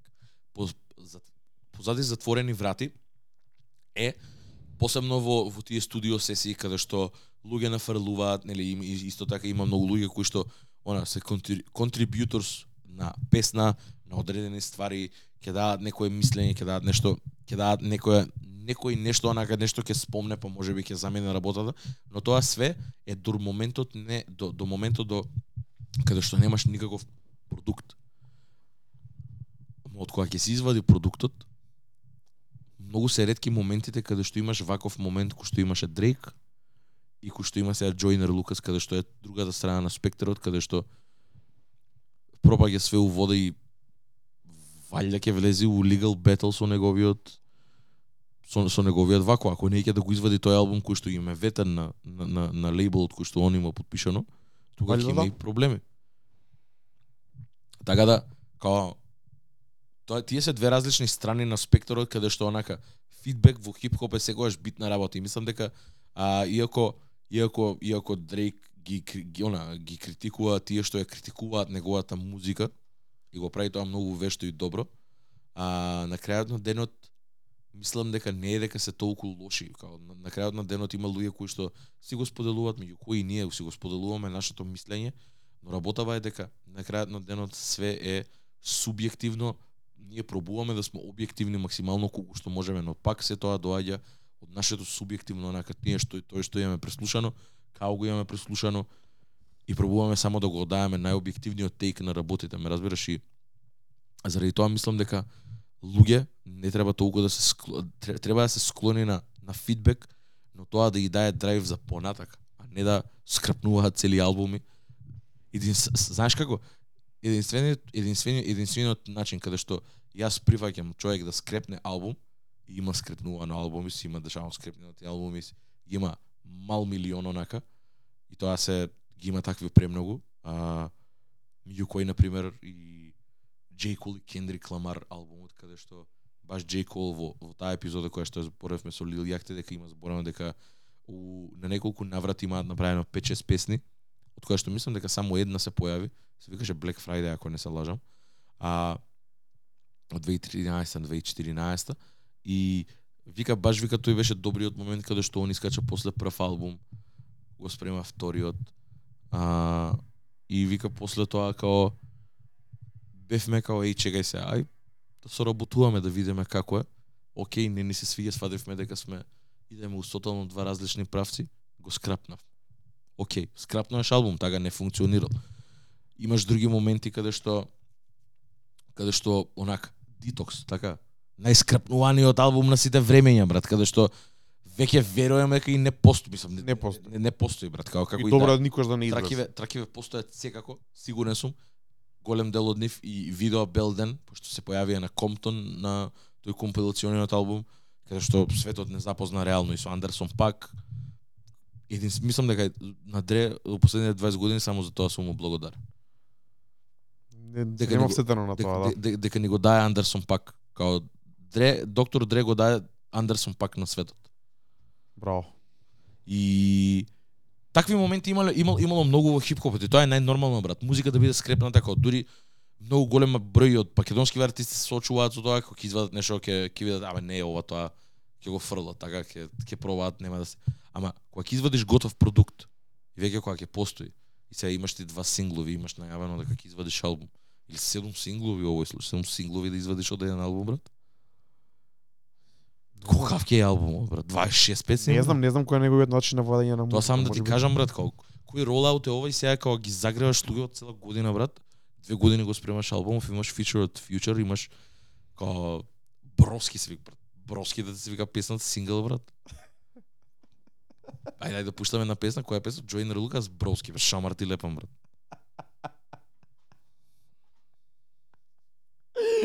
Така е, брат, така е. Нормална работа. Не знам, не сме упатени неговиот начин на владење на музика и неговите не, ствари тоа што сам ги да ти кажам, многу е чуден моментот каде што веќе имаш 7 синглови извадено, 6-7 синглови извадено брат и го скрипнеш што тоа е поголем летдаун. предпоставувам, предпоставувам искрено дека и он сам не верува у тоа што Тоа сам да прави, за тоа а фидбекот од блиските и од фановите уште повеќе само го убедува дека не е тоа тоа што сака да го прави. Тоа е легит. Се надам дека ќе се врати у својот својот бег и дека ќе прави музика што сака да ја прави. Бидејќи тоа се менува. Секој артист, јас можам да зборам од страна на диџеј, секој диџеј јас во различни недели, месеци, фази од животот сакам да пуштам различни музики, брат. И за мене Така. тоа е добро да има еволуција во твојот саунд тест и да се враќаш назад и да одиш напред и да експериментираш со други звуци, као кој си ти во моментов, кој е Iris Scratch во ноември 2023 година. Тоа и тоа и тоа е. Заради тоа ми се свига Дрейк. Ова е Дрейк у последниве три недели како се осеќа, брат. Да. Заради тоа е толку добро, брат. Да. Се гледа дека е повредлив, се гледа дека дека го имаат накурчено, се гледаат и си викаат чекај ја ќе си ги кажам ствари што ги чувствувам, еве. И се гледа дека е напред, заради тоа ти викам свежо е, брат. Сегашно е, презент е, брат.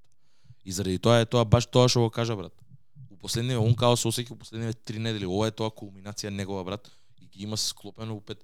Ти викам и затоа тоа и мене многу поударно ќе ми беше да не беше дел од проектот, брат. Да го Да. направеше како посебно нешто и да бидеше да беше Scary Hours 3. Ова мислам дека е многу добар момент што се надам дека ќе остави поголем поголем печат на на сцената. Тоа го прават луѓе око Леди Джун кои што седнува со алхимисте на Нерала во вилата, го снимаат цел проект, снимаат спот, го варат проектот, снимаат документарец, го варат проектот, варат документарец. Мислам дека во денешно време ова е начинот на вадење на музика. Краток проект, добар за слушање, направен у кратко време со од- одредена енергија, брзо спакуван и брзо пуштен на стриминг сервисите да без по- без големо пумпање, без големи очекувања. Посебно за ствари што се вакви кои што треба да се кажат повеќе ствари, а на сцената има многу индустријски ствари, многу Да. оверхајпнати ствари, Реално многу да. overproduced ствари без разлика дали е тоа во музичка во музичка смисла, во видео смисла, во промотивна смисла или во можеби фешн смисла, као за- од толку што е се преиндустријско и пренаправено да е под наводници квалитетно, Така. ја има изгубено душата.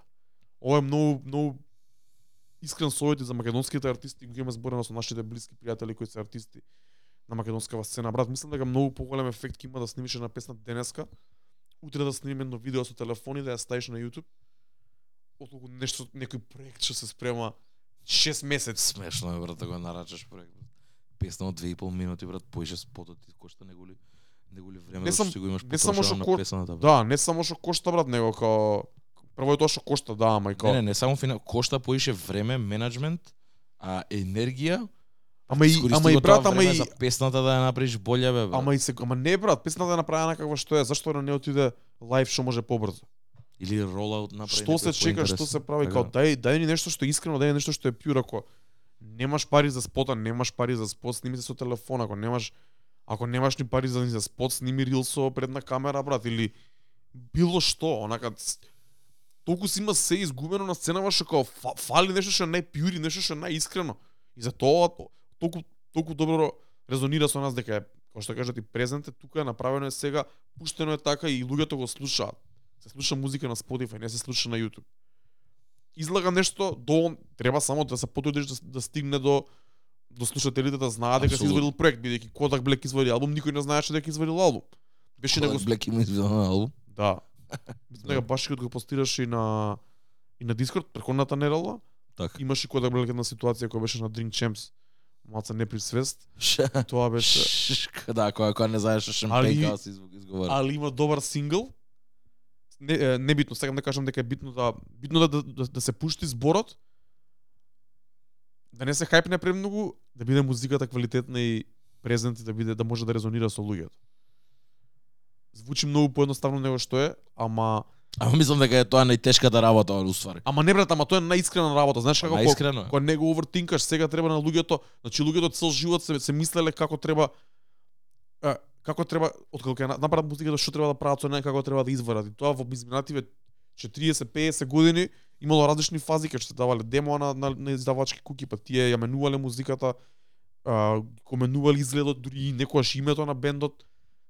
Онака им снимале нов им, им го менувале звукот, им, им, го менувале стилот, они им правеле, па им продуцирале албум кавер, а, Имале цели департменти за тоа. После тоа тоа Да, се менува дефинитивно. онака Знаеш, на, на, кое време се враќаме Soulja Boy ја прави Crank That и ја става на LimeWire онака.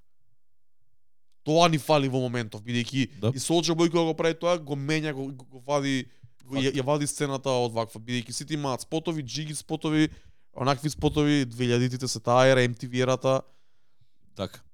такви некои као други она сайд ефекти што нас не ни се свигаат во, во културата. И ова го вадиш, го вадиш нешто што е најпјур, колку и да е квалитетно или неквалитетно. Ис, искрено е направено, извадено е. Јап. Значи сакам да кажам, битно е да стигне музиката до подалеку, ама уште побитно е да биде реална, да биде вистински, да закачи, да биде органска, брат. Organic and healthy. Значи органска. Не ни е треба, тоа. не, не ти треба ни спот ни ништо брат, као дај ни музиката да слушаме на Spotify, многу едноставно. Многу едноставно, ако музиката е добра, ќе закачи, ако не е добра, джабе ти и колбена да ти сними спот, као пак си Дефинитивно. срање брат. Тоа е што да ти кажам. Апсолутно. И пак е фейк и пак е вешташко. Тоа е. Тоа е. Така е. Тоа е all facts. All facts. И мислам дека заради тоа конкретно нашата сцена е у има таква она нема ништо брат. Нема ништо. Нема ништо, тоа е. Нема ништо. Не се нема десено, мислам дека немаме едно нешто немаме видено кое што може кое што е она и каде што ќе можеме да го збориме онака и каде што ќе можеме да да се посветиме и да правиме муавет. А сакаме. И тоа е многу жално, мислам дека како тоа е многу жално да немаме а, у два месеци у два месеци да собереме 10 македонски траки, нови извадени последниве два месеци да За проектот на Марс, ја искрено го немам уште преслушано, ќе го преслушаме, ќе збориме за него. Јап. Кога дое кога дое време сега Дрейк не држи и нас. Збориме за гртизам, мислам дека се вика проектот. А, најновиот вако и они кои луѓе се единствените кои што вадат константно музика. И тоа е тоа.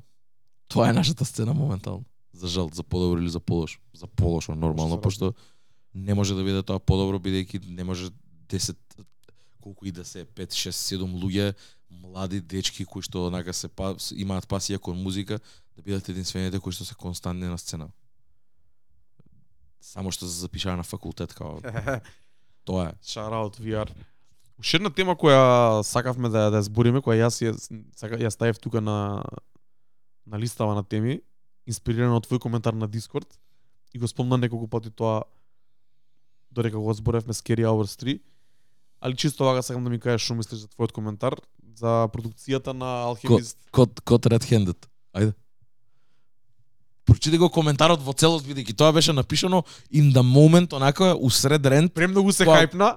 да, да, да, да, многу ме пукна, многу ме пукна јако. Е, Трајче пишува на Дискорд. Дрейк потврди дека Алхемист и новиот стил на бумбап музика is the way to go. Мислам дека тоа полека станува новиот правец кај што киде хип-хопот. On God. Он GD. А, вака. А, о, ова е ова е малце overstatement од моја страна, Ептен ме удри јакото кога кога кога го слушав, кога го Добре слушав си признаваш, Си добре. признал, не, не, не може. Дарко, да, да, Дар, Дарко ми кажа hold your horses, као смири се што преш, као. А, вика не си нормален. И реално да, мислам wishful thinking е као ја кај што сум сега моментално умствено и музички и тоа што ми мене, мене ми се свија, многу би сакал музиката на така, на така да иде, ама сваќам дека не може као а, тоа за, за, за, за тоа да остане добро, треба да остане теа та, таму сега кај што е моментално. И веќе има обиди, има моменти каде што тоа прелива во мейнстрим водите. И е сасвим нормално. И ова е многу добар момент. Заради тоа мене толку многу ми е важно, брат. Заради тоа мене алхимист ми влага сега, мислам, одамна ми бил, ама сега ми е зациментиран, као веќе ми е бетониран, брат. Не можеш веќе да ми кажеш ништо дека алхимист не е топ 5, брат. Као веќе имам аргументи. Човеков има Дрейк фичер, имаше Кендрик Ламар фичер лани, на најголемите артисти им има дајано битови и луѓе ги имаат искористено. И многу е битно тоа. Од друга страна, јас сакам да се надоврзам искрено според мене ова мислам дека е overstatement, ама а, би сакал би сакал следниот чекор да биде тоа што го имаме зборено со Дарко многу пати и неќам веќе да се повторувам за тоа, туку сакам само едноставно да се деси е да има многу поголема свест у музиката, музиката само по себе да биде многу свесна, да биде многу по допирна, него ли да биде онака како само up in the air, како да не можеш да се поврзаш со неа, како на пример албумот на Offset, ништо да не ти значи. Да. А, и многу да биде по онака а, да биде многу по не знам како да објаснам брат, по хумана да биде. Веќе тоа што многу индустријски тоа човечноста од музиката е извадена и на пример ова вака кога ќе добиеш нешто персонално, нешто такво длабоко, одма поише го цениш. Пошто да, можеби ти не си Дрейк и не го живееш неговиот живот и не, не, не, немаш жени што или не си се гледал со девојки што иделе у Колумбија да зимат да, да, и се вратиле од Богота со BBL, па после да идат да го вратат газот. Али ќе направиш некаква корелација, Од Да. некоја случка нешто ќе извадиш, Да. да. разбираш? И заради тоа Дрейк е еден од тие артисти кои што е најрелатабл бидејќи тоа сега Дарко тоа ќе ми остане брат као Future збори за Лин, вика јас зборам за вотките на вечер што ги пијам пат. Ама не, ама така Таа е, е паралелата, брат. Така е, таа е паралелата, ме разбираш као само само размерот е друг брат, смали си го размерот као. Океј, Future, Дар, Дарко, Линот, водката брат, таа е тоа е размерот, таа е таа она корелација измеѓу тие две ствари као. Едноставно е. И мислам дека заради тоа а поише ствари, поише она а кога ќе кога кога ќе кажеш за музика и по- посебно кога кога ќе кажеш за хип-хоп, таа експресија, таа тоа тоа тоа искажување на емоции мислам дека треба да биде пренесено многу на почовечко ниво. И мислам дека Дрейк го дава тоа во во овој момент. Ме разбираш како пак на крајот на денот тоа реков повредлив е. И заради тоа мислам дека толку е и хумано брат, кога има стигнато до него ова, го има го, го има удрено, заради тоа ова го прави брат. Ова му е природна реакција на тоа што он го има чуено. Па да ви еба мајка да еве ви дека можам да рапуваме, разбираш, па и ќе го изедете и вие као ќе a straight bullet и си кажува вика не да го чуете ова као одеме ова е за само за нив. Као ти ко фан на Дрейк ти не го заслужуваш да го слушаш погребањаво, чекај малце скокни на тракава да им кажам на нив нешто. Ти дека унапред ти кажува дека трака да не е за тебе, дека е наменета за некој друг. Сам си кажува дека е повреден од тоа што го слушал брат. Тој барот брат уште не можам да го заборавам, тој со шейдрумот брат, за девојките брат. Јунија излезе од Шедрум. Јуни е излези од да шейдрум. Уу, ние сме овде со спуштени со спуштени ролетни. Хаос. Ме разбираш? Хаос брат, многу јако. Но ние сме со спуштени ролетни, ролетна е спуштена овде има прозор. Као Многу јако. Да, да, Многу да. јако брат. Многу јако, многу искрено, многу такво down to earth брат, многу допира на човечко ниво брат. И тоа е многу битно во музиката брат. Многу ствари се избегадени веќе, многу се извадени надвор од пропорција, кај што луѓе уживаат just for the entertainment of music брат. Го, го си има изгубено тоа вистинското кое што значи хип-хоп. И мислам дека тоа треба да се пази. И сега може би звучи многу елитистички, многу звучи old ама музика не е музика ако нема human touch. И ако нема емоција. И ако не е таа емоција преведена каде што ти ко фан можеш да ја разбереш, можеш да се поврзаш со неа, тоаш не е музика, тоаш не е емоција. Е, па брат, тоа е интересно со овој новиот стил на продукција кој што алхимисти и еве контактор со него заедно го ставаат на мапата сега последниве години, ти ги знаеш подобро сите продуценти кои ги имаат кои ги имаат тој звук, јас сум многу голем фан на Static Selecta како еден Исто така. бумба Великан, на кој Дефинитивно. Секој, на сек, секој проект му се навраќа, му, му, го, му го проверувам кога го извади и кога сакам да слушам таков по-лоу-фај бумбап, Апсолутно. го бирам Static Selecta да за мојата доза на тоа. Така. имаме зборено за Кота да Френд, али мислам дека оваа продукција сега што ја збориме и што станува се порелевантна последниве години и големо влијание за тоа имаат нели игри Зелда, Така. цела, цела музика што ти ја промовираш, Фреди Гипс, сите дури кои соработуваат со Алкимист, помладите по помалите артисти од, од, од таа бранша и слично. Таму на, та, на, на таа продукција има малце поголема емоција, малце поголема човечност. Иако ја не може би нема некоја таква некоја друга енергија, ако Така. споредиш со трап битовите кои се наоѓаат на проектот на Offset, кој го даде како многу добар пример, тука се гледа таа таа работа. Дрейк не може на таков бит да влезе да збори вакви теми. Од 2023 Не преисмисла. од 2023 ако сакаш да збориш такви теми, не е дека West Side Gun не збори за Мири Джинс, не исти вакви битови, Факт. али ова е многу добра подлога да ги збориш овие работи од 2023 година пак да звучи свежо, бидејќи може да земе и Примо бит кој што земал За Сандра Роуз, ама Апсолутно. нема да звучи свежо, бидејќи знаеме дека Дрейк во посебно во бирање на битови во продукцијата секогаш прогресивен и оди напред онака, он може да земе и да, и, да рапува добри на примо, ама мене лично ми се свига инспири, е, инспирирано онака од вас и поучен од вас последниве години. Научив да го прифаќам тој звук да ми легнува, да си барам фаворити јас од сите тие помали покет со хип-хопот. Да, дека и тој жанр е многу широк меѓу себе. Да, ама мислам дека као многу добар избор, ако сакаш да правиш вакво нешто, многу добар избор на, на звук, Така. на естетика, звучна естетика е да Апсолутно. отидеш таму кај овие продуценти или овој тип на продукција. Така. Тој кој зборевме со Даре од Длабока трага од Задаголот во Струмица као ја покрај вас, пак се врати, ми се врати тој звук некако во уво и научив да, го- да, да го слушам, а он пар, паралелно, он повеќе Сакам да кажам дека сме биле едно време сме слушале слична музика као многу млади, па после јас сум отишол скрос на нешто друго, Така. па сега пак се враќаме тука, пак јас се спојувам у неговиот правец, него јас се враќам во Така. во таа во, Така. во тој звук и во таа зона кај што многу луѓе кои на пример и ти си и ти си бил цело време таму присутен или он како продуцент бил таму присутен со тој звук. Сакам да кажам дека се менува тоа и во 2023 стварно звучи свежо да се рапува на на ваков бит е, посебно го сакаш да да си ги кажеш работите да имаш поише простор за барс и се тоа да звучи малце по soulful и да не е толку е, дигитално и isproducirано онакво ќе кажам пластично како што звучи продукцијата на проектот на Offset иако е многу квалитетна истиот сентимент Брат, само во друга State смисла of the art, е, ме разбираш, се гледа дека дека дека и она све све е направено кој што треба. Ја не зборам од технички аспекти, ја зборам за човечноста на музиката. Јас го имав истиот сентимент само во друга, во малце поинаква конотација за Don FM на The Weeknd. Ако се сеќаваш кога зборев Така. на него, Да, мене ми е тоа пре пре перфектно. пре да и не не ме возбудува никако брат, не го осеќам никако. Same. брат. Ја го имав тој проблем. Ја тоаш прекинав да слушам The Weeknd. Исто. Ме, тој албум мене ме прекине ме, ме, ме натера да прекинам да слушам The Weeknd. Од тоаш немам пуштено The Weeknd песна. Добро, сега песната Popular која ми влезе во ротација летово звучи малце Ја- поинаку, има има тој throwback 2000s малце звук и vibe. Многу интересна трака и до супер Да. е прифатена од публиката и мене ми се свиги искрено за и за во клуб, и за на подиум, и за во бар, но и за случај за по дома мене ми се свија. Добра добра добра. Али тоа е нешто поразлично од било што Од било што кој што што сме го извадено. слушале Да. до сега, али сакам да кажам дека овој стил на битови, овој звук не се слагам со тебе дека ќе го превземе хип-хопот. Ја Боже, не се слагам со себе дека да. Дај Боже тој покет да стане не поголем, него само поквалитетен. поквалитетен, Поголем дефинитивно. не ни треба многу да станува.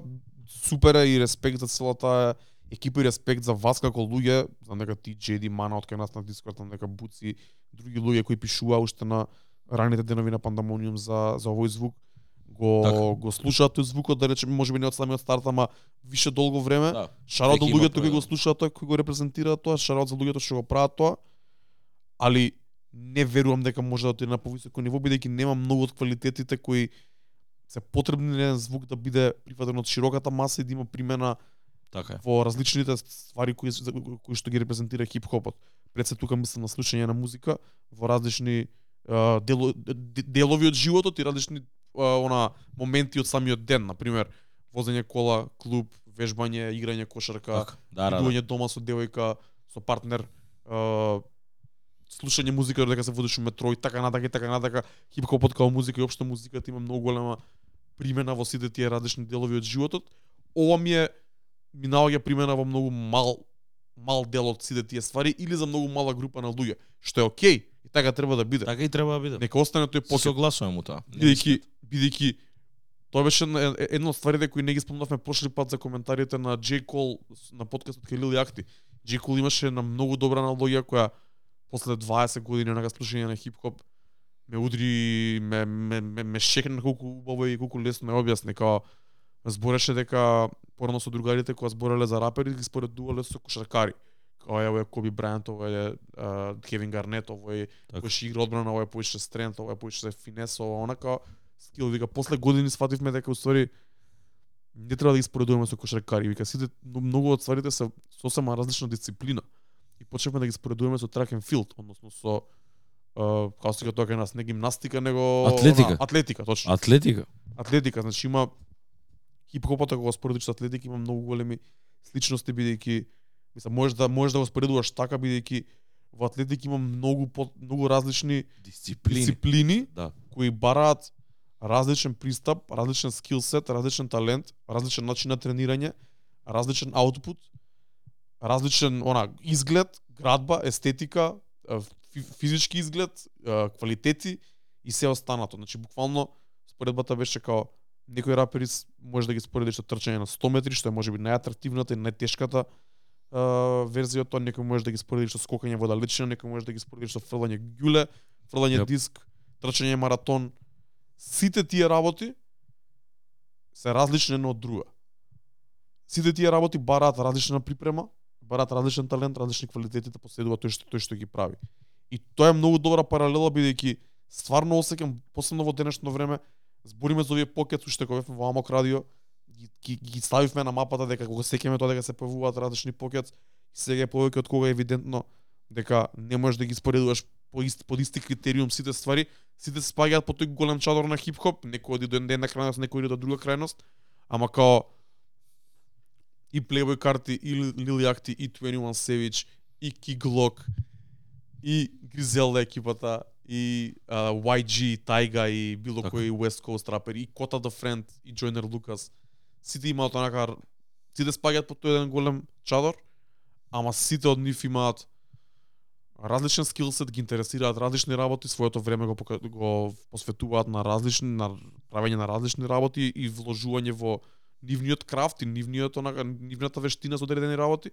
И затоа е многу тешко да споредуваш артисти кој. Cole или кој Lil Yachty бидејќи Као прво, они самите не го бараат истото, истото од музиката, исто кој што не го Да. бара Алхемист и Метро Бумин истото од својата продукција или а, некој продуцент како Mustard кој па прави нај најмногу најмногу клубски бенгери или правил на времето или слично. Као, им- има тука многу покет, многу различни вештини, многу различни дисциплини. И добро е да пробуваш да го најдеш убавото во сите, да си пробуваш да си најдеш инспирација и да го цениш тоа за тоа што е. Јас така научив да го ценам овој новиот бумбап звук, исто како што некои други луѓе научија да го ценат Bubblegum рапот или SoundCloud рапот или а, некој друг покет на Memphis трап или било што од сцената кога тоа беше нов звук и беше тешко на луѓето да го сварат, посебно за луѓе кои слушале традиционален хип-хоп или били израснати во 90 или 2000 типа биле научени на а, Snoop, Dre, продук, Dre продукција, Premier продукција, Snoop Dogg, Така. Nas, Jay-Z, 50, Nelly, зависи. И таму има и таму кога размислиш од таа перспектива и таму има многу различни покет, имаш Outkast 90, имаш Нас, имаш Juvenile, имаш Tupac, као тоа се скрос различни. Од оваа гледна точка, ако ги дисектира, дисектираш некако ги влезеш длабоко нив и ги, ги расчлениш, ќе видиш дека устори таму многу различни скилсет спаѓаат доаѓаат до израз во игра. Као Джарул, DMX и а, Нели, Чинги и Све тоа. онака Лил Джон во Атланта, Too Short, а, E40 од Bay Area, кои носат сосема поинаков звук и сосема поинаква естетика, Eminem, D12 од Детройт, Kanye West Чикаго и Mos Def, Common, целата таа екипа стариот Kanye.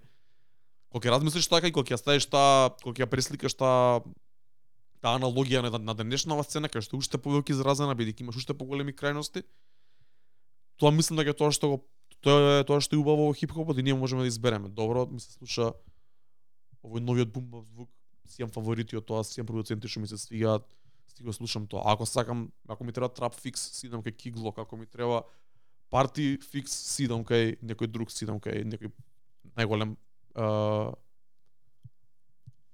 артист кој прави најголеми бенгери, да речеме.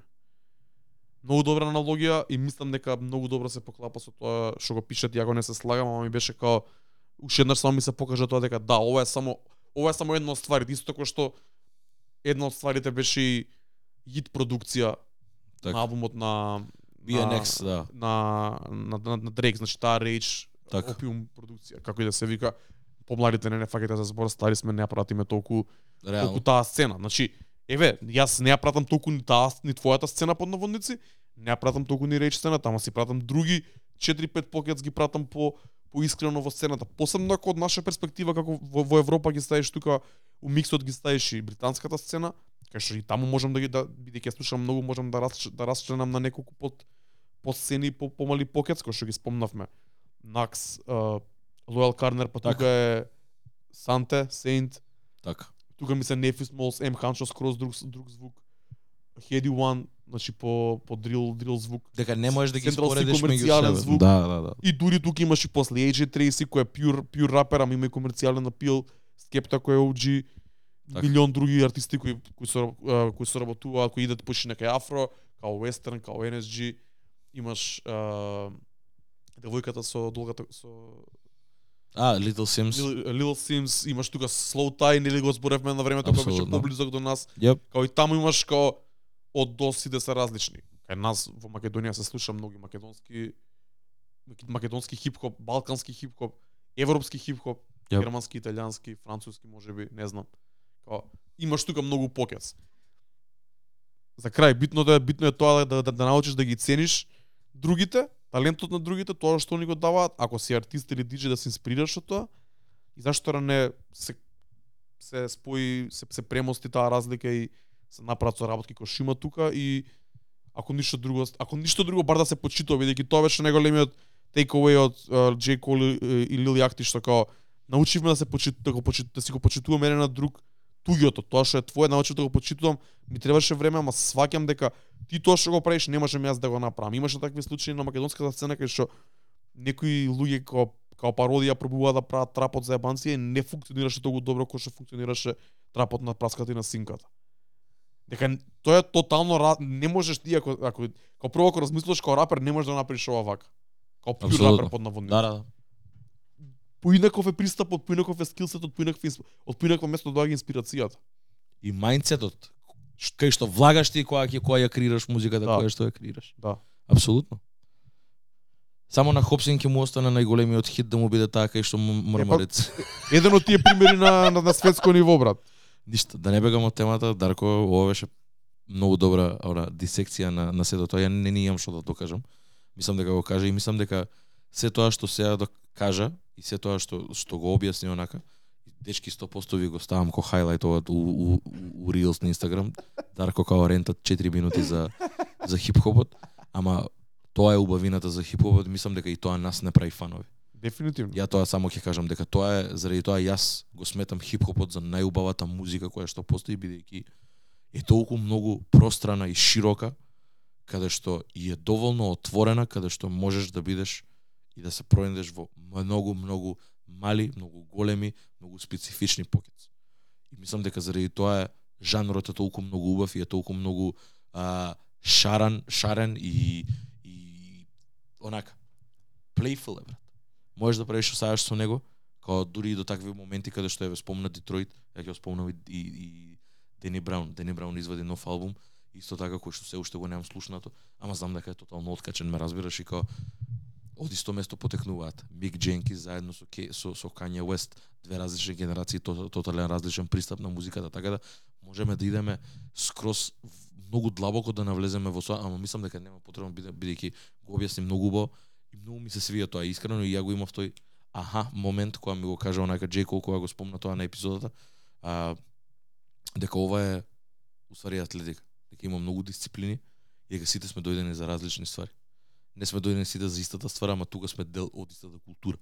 И заради тоа се вика хип-хоп култура, не се вика само хип-хоп музика. Обесно и фаќа многу поише ствари и мислам дека треба да бидеме отворени кон тоа и да и заради тоа ние сме овде и ние, ние имаме наши преференции, не сме жртви сме на човечка природа. Нормално е, брат. Имаме субјективни мислења, имаме преференции, имаме ствари кои што ги сакаме, имаме работи кои што не можеме да ги прифатиме. Тоа е нормално, ама не го уништуваме или не го омаловажу, омаловажуваме тру, трудот или продуктот некому. Само можам да кажам дека не ми се свиѓа и не е за мене. Не е за мене тоа. И тоа е тоа. И мислам дека Дарко многу убаво го објасни дефинитивно мислам дека тоа ќе онака. Као тоа е тоа. Брат, ова е Мислам дека мислам дека многу добар, многу многу реален, многу човечки муабет буквално кажа кој што и го објасни. Об- ја објасни убавината на хип-хоп музиката, брат. Ја стави у зборови тоа што јас ја, ја, јас би на пример не би можел да го кажам кога некој ќе ме праша зашто слушаш хип-хоп музика. Ако некој ме праша зашто слушам хип-хоп музика, мислам дека тоа би било одговорот онака. Тоа е то- то- тоа е тоа тоа е тоа брат. Тоа е убавината на музиката, тоа е тоа е зашто јас сум фан пред се на, на хип-хоп музика. Да, добро. И, фанови сме и поради некои други работи, ама мислам дека тоа е тоа поради кое е, музикава после 50 години уште е, е толку силна и толку распространата на секаде на светот има многу лојална фан база, иако таа фан база со секој на годините нека с- уште повеќе се менува и изгледа различно, ако порано можело да се приметат рапери или хип-хоп глави од, од далеку, сега имаш Така. различни видови на хип-хоп глави и за тоа може би од преголема популарност и комерцијален успех и сега е во последниве години е во голем пат као култура, ама имањето на, на различни покет значи дека со текот на времето ако тие покет останат живи, некој од нив ќе излезе на виделини и ќе ќе го врати хип-хопот пак во во прајмот и не ни треба да биде цело време во комерцијалниот прајм бидејќи тоа одзим одзима на долг рок на во самата култура. Така да најубав најубави години бар за нашава генерација знаеме ние кога сме биле во, во тој пик било додека се то, дорека тоа се развивало зам, го факало замавот ама уште не било онага фул комерцијално искористено од страна на издавачките куки не Така. имало тука се она која баш која бабла која е најжешко која е нај тогаш е најкреат, нај, најкреативното и нај најмногу она тоа што те зграбчува тие години некои што луѓето кои биле основно или средно слуја слушале таа музика и после станале фанови на хип-хопот целжи од баш поради тие 3-4 години кои биле инспирирани кои хип-хопот нудела онака многу голем многу квалитетен и многу добар аутпут. Бар тоа го, тоа го зборам конкретно за втората златна ера, мене според мене, мислам дека Трече ќе се сложи со мене, а мислам дека J. Cole го кажа тоа исто така, што само беше потврда за, Да. за тоа бидејќи јас тоа го зборам од многу одамна. Нашата нова златна, втората златна ера на нашата, Нашата генерација. ера, тоа е Нашата златна од ера. 2012 до 2017 као тие 4-5 години, 2013 до 2018 како сакате земете го, али ја мислам дека 2018 више не спаѓа таму, мислам дека таму од 2011 до кај 2012 више веќе бевме онака. Веќе имаше проекти искочено кои што 2012 2012. Да, да, да. 2012 веќе бевме на голема врат. Да. Имавме и Сепроки, имавме Да. Дрейк, имавме Кендрик Ламар, Имаше се брат. Имаше- имаше- Cole, имаше имаше Меклмор, имаше- Тайга, мастер продукција, Нема правам муабети за такви и за и за тие тие по тоа што Мек Милер имаше, Валей, Мик Мил, све тоа. Рик Рос беше као тоа. Мек Мек Милер 2012 е макаделик брат. Да, да, да. Со Juicy J, ме разбираш, као тоа што што тие моменти кога почнува онака линот се уште е тука, као ме разбираш и тоа трап музика да стане малце помрачна, онака се влагаат у психотропни субстанци, се користат. Има и тоа многу голема вакво, Дени Браун е тука. Као имаше ти, ти луѓето што се појави на контрол, брат, ме разбираш, контрол, брат. Не, не контрол, извини. One Train. One Train. Да. Разбираш А као. дури имаше тука ликови брат ко Риф Раф. Исто така. Раф и Исто Екшн така. Бронсон со работка. Исто така, да, со Рол Хели да или као си. Да, Да. On a Wire. Ја тоаш, Wire, ја да. тоа, ја тоаш прв пат слушнав за ја тоаш, ја тоаш прв пат слушнав уопште за за за Хери Фрод. Да, Така да, така да тоа е, мислам дека Френч Монтана. Френч Монтана исто така, исто така, исто така. Исто така.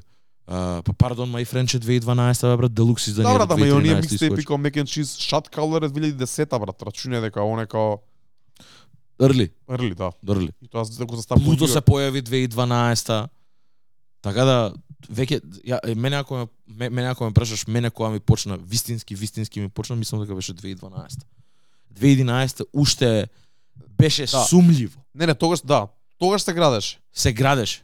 2012 почна, се слагам. 2012 веќе ја скрши врата да влезе низ неа. Да, да, да, да. да. Тоаш уште стоевме на врата, пробувавме да го турнеме, 2012 више влезе каде што веќе се знаеше дека Two Chains бе брат, Учен, да, да, да. Two Chains брат исто така. Мега. Тие беа из- ама да, се слагам дека до Astro World би рекол дека Не, Astro World беше онака како Абе да брат, ама меѓу време се појави, се појави и многу други а, нус појави и затоа мислам дека апсолутно не можеш да кажеш дека е златна ера. Не е дека во 2014 немало, ама као имаше еден период таму некаде до Culture на Мигос кај што не дека немаше лоша музика, ама стварно се што излагаше беше многу добро. Да, да, да. После више. Culture двојката више не беше тоа тоа. Culture тројката уопште не беше тоа тоа. Апсолутно. Дека тука спаѓа на пример Родео спаѓа во премот на тоа, ама Birds in the Trap не знам. Имаше тука Goosebumps се тука, има големи бенгери, ама Има големи да кажам дека е дело златната ера, не знам. Да. Не сум сигурен. Да, пошто беше по полош албум него ли што што беше родео. Да речеме дека 2018 го кажавме тој прошлата епизода, тоаш почнува почнува падот, тоа може да се каже да. деклајнот почнува од ден дента кога дропа Astro World надоле, Дефинитивно. али како како се каже златна ера ако може да земе дека више се тава 6 години брат, може би 6 години се многу. Ама па ако може да се земат тие 6 нека бидат од 2012 до 2018. Така. Да, ама првите 2-3 години мислам дека тогаш буквално онака и се појавата и на Кит Кади. Као имаше ствари кои што се дешаваат 2010-2011, Ама тие бе Ама- подлогата за тоа. ама тоа е подлогата за 2012 Брат веќе. Онака- Калифа е тука, Која беше првата журка која која се организира? Тоаш кога пушташе ти тој првиот сет која го а, Тоа беше првата 2013 не, првата Trap the Fuck Up журка се дешава во јуни 2014 а првата првата журка кај што се пушта фул трап сет од моја страна беше на час со бас, ако не се лажам така се викаше журката на бас инфузија, март 2014. Така беше неколку месеци пред Trap Неколку месеци пред Trap the Fuck Up и тоа беше инспирација да се направи Trap the Fuck Up како журка. Луда работа. Тоа мислам дека онака тоа ми беше хайлайт. Мислам дека до тоаш немав немав такво нешто и мислам дека тоаш беше прв пат прв момент. Тоа беше многу јак момент. Ќе да спомнам. Слободно, слободно. Брат, тоа беше многу јак момент. Мислам веќе ја и Дарко почнавме да се дружиме. А, и другарувавме, веќе знаевме дека ги имаме истите интереси и за и за музика пошто веќе веќе зборевме, бевме длабоко навлезени во сето тоа и онака сфативме дека сме малце луѓе сега нормално ја ја не бев толку на, се, на, на секојдневна база со Дарко онака ама Дарко знаеше дека сум еден од луѓето кои што ја прати таа сцена и он нормално узмуабет со други луѓе кои што ете нормално Дарко кој кој што е Дарко и е диџеј и, и луѓе го знаат из Македонија и низ Скопје онака стапил у контакт. Тоа беше драм, а, а, дабстеп не што беше што што диџеј беше драм and bass Дабстеп беше, не, Joey Nice Дабстеп Джо Найс од Америка беше доен да врти музика на плочи, да таков американски пюр, Јап. пюр дабстеп, old school дабстеп да речем. old school dubstep. И као окей, доаѓа, ама сваќаме дека уствари после тоа ќе Дарко Айрис Крич пишуваше дека ќе има трап сет. Така така беше Така closing, така беше од 3,5 до 5 Од 3,5 до 5. у Капанан. Дечки, ја отидов у 12 по не влегов до 3 саат у, у, у, у Капана. С- Отидов само пивце да си купам и седев на Шарао до тераса. Хари брат беше таму. Тоа може би еден од моментите кога Шептен се се зближивме со него. Шарао ту Хари. Шарот Си- Мелани Буджис таму беа, не се сеќавам сега кој друг ведран знам дека беше имаше имаше други луѓе кои И онака Дар, Дарко Дарко почнува и само гледаш и као тоаш бевме онака веќе тоа беше swag ерата. И тоа таму бевме онака, таму бевме сите карирани ко шулчиња, панталониве се мање више исти, ама као такви бевме ерфорски да снепбек носев јас. снепбекче Дарко носеше, ја уште не бев бигон хец. Имав онаков имав онаков дрвен како се Дрве, дрвено ланче. Дрвен, да. Биц, биц. Да, да. Да, да, да, све тоа, Уиз Калифа тај бит. И- Да, Уиз Калифа не Мек- Мек Милер ми беше инспирација за Мек стилот. Милер, да, ама да. тоа е Калифа Дефинитивно, Питсбург, да, брат. Да, да, да. И- Питсбург капче, брат. Питсбург за тоа беше. Не, не знам дали беше со тоа таму, ама да. И и као онака почна Дарко толку знаев само дека треба напред да идам, ги оставив Мелани Буџи ги оставив. Се викам дечки, сајате со мене напред, ама викам мислам дека ќе има шутки.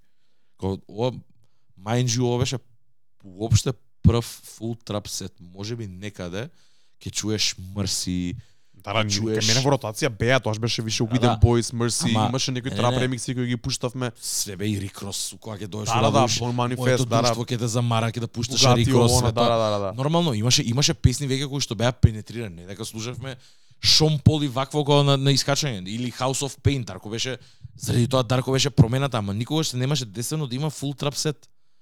И кога веќе тука бевме сите онака едва и чекавме брат, јас само едва и чекав да заврши човеков брат. Завршува он, драго се мести, уште памтам брат, застанувам напред и тука беше тука беше Харија, тука прв пат го упознав Хари брат. Хари беше десно од мене, Дамзи беше до него.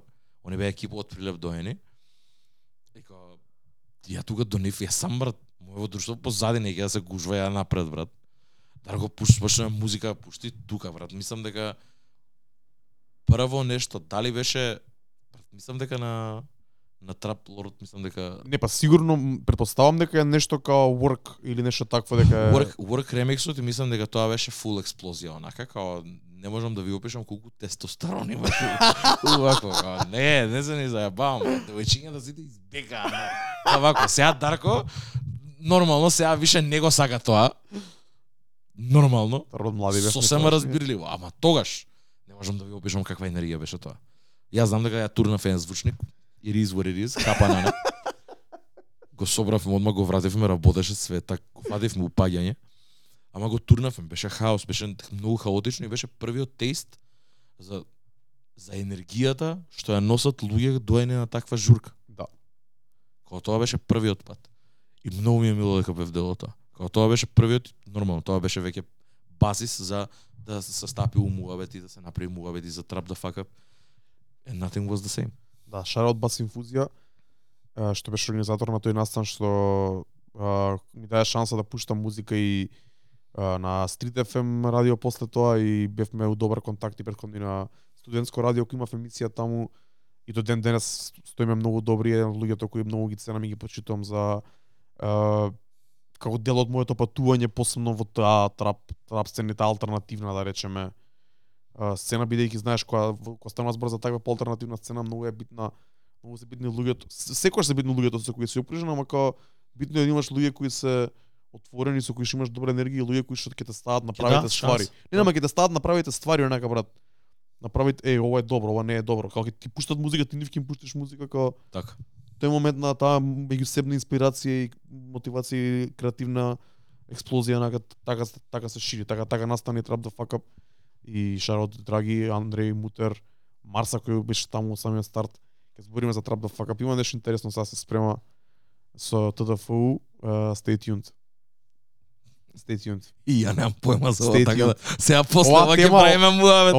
И ја и он ќе правиме муавет за што Оваа тема само се начна, трајче, трајче е начна, али само stay tuned. Да, дечки, all in all, мислам дека ова беше уствари тој муавет, зашо ја и Дарко ја сакаме културата у која што изради тоа така сладко збориме за неа. Мислам дека пак тој муавет сега што го направи, да се над- што се надоврзавме дека и ова сега тоа што го зборевме е еден многу мал покет и еден многу мал лейн од целиот спектар на хип-хоп музиката. Посебно во последниве 10 години само.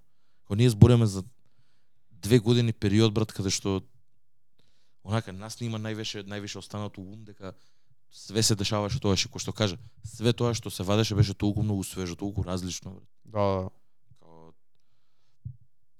Многу такви дури ду- дури дури не знам ќе се седам на Крко Бенц брат, ме разбираш как. Drinking my cup. Она со Мик Мил песна на као се викаше. Имаше Крко Бенц, имаше една песна со со Мик Мил, беше тоа хитче беше таа. Ама тоа ко тие се тие моменти и мислам дека Дарко стварно многу убаво го објасни моментот зошто зошто зошто уствари таа аналогија само се надоврза на J Cole, J Cole исто така многу добро го објаснува. Ама мислам дека Дарко дае уште еден уште еден многу добар уште една многу добра елемент, уште една добра димензија дае на на целиот тој муабет дека и таа баш географска географска точка уствари на на хип-хоп музиката колку е многу влијателна во во Америка и дека и само по себе и тоа уште толку го прави хип-хопот да биде и многу по вибрантен и различен и, и colorful и све од тоа што и фактички тие се тие карактеристики кои што ден денес 20 години подоцна и плюс се уште нас не задржуваат у хип-хоп музиката week in week out да бидеме овде да збориме за неа и да ја негуваме на тој начин на кој што знаеме најдобро. Дефинитивно. Mick Mill featuring Kirko Banks, Young and Gitney. Young and I'm getting it. Young and I'm getting it. Бра, дури она да има snapbacks and tattoos. Ле, тоа беше исто така. Тоа беше исто така. И имаме зборено за овие ствари, нема да се повторуваме, ама многу ми беше мило дека го направивме муабетот пошто онака, сам по себе си дој и не можев да не го направам. Не можев да не го направам. За крај, а, би сакал да спомнам дека а, исто кој што кажа Дарко, ова е тој период каде што веќе следуваат и некои тековни настани, настани кои што бевме дел, исто така лани кои што на кои што учествувавме и мислам дека е многу добро чисто и да ја најавиме бидејќи сакаме да ја испромовираме и сакаме да споменеме дека и ќе бидеме дел од тоа. Збориме за Peer Music Conference, а, која што е 25-та, а, не, 10-та, Десета. извини, 10-та, значи Десета. имаат два, Pin два таксира Conference. 25-ти и Pin Music Conference а, 10th anniversary, каде што 10-та 10-та година поред ние сме а, ние ние имаме честа втора година поред да настапуваме на на Pin Music Conference. Овој пат и како официјални делегати на на конференцијата. Лани бевме само како гости кои што онака на еден начин настапија направи еден мал тейковер, збореа за за дешавањата таму, праја, и имавме кратки интервјуа со гости кои што беа дел од Pin, од Pin Music Conference, па и ни даде мислам нас добра до, добра до, добра перспектива онака и ни даде и добар тренинг и мислам дека беше многу добро искуство. Мене ми беше прв пат, да го знам дека има поише пати од идено таму.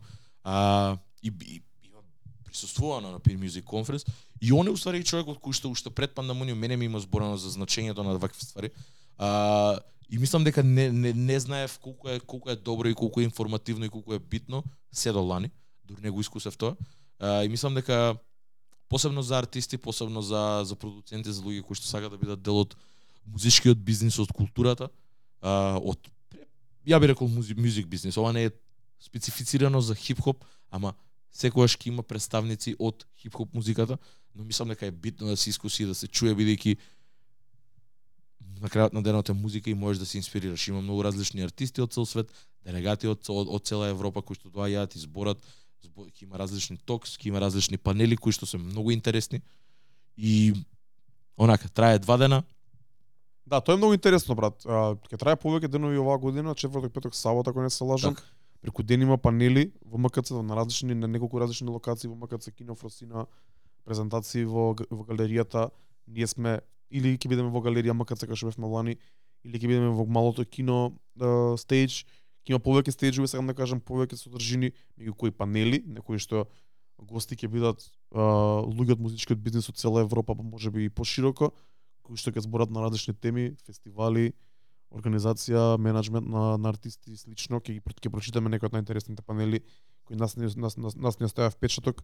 Ќе има презентации за некои нови трендови, ќе има а, listening сесии, значи ќе може со промотери, со менаџери од цела Европа, значи со промотери кои букираат артисти на фестивали, да бидете во иста соба, да ми ја пуштите музиката, битовите, што и да е, да направите контакт со нив. И тоа е, вакви ствари се многу битни за нетворкинг бидејќи сите луѓе кои се таму се дел од музичката е, музичкиот бизнис, музичката култура од Македонија, од Балканот и од светот и е многу добар момент и начин за стапување во контакт со правите луѓе кои работат behind the scenes и кои да, не ги знаеме, не е Метро Бумин тука, ама можеби Така. некој од нечи камп на некој продуцент од или артист од Европа ќе биде присутен тука или соработник негов или слично кој можеби ќе ги отвори вратите за други работи покасно. Тоа е денската програма, за да присуствувате на неа мора да се а, регистрирате за бесплатно може да направите тоа на страната на Pink Conference MK. А навечер има програма кај што ќе има шоукейс настапи од различни групи, пак на повеќе стејџови. Вечерната програма е предвидена за кратки настапи на, на артистите. Шоукейс значи да се представат во кратко издание во најдобро можно светло.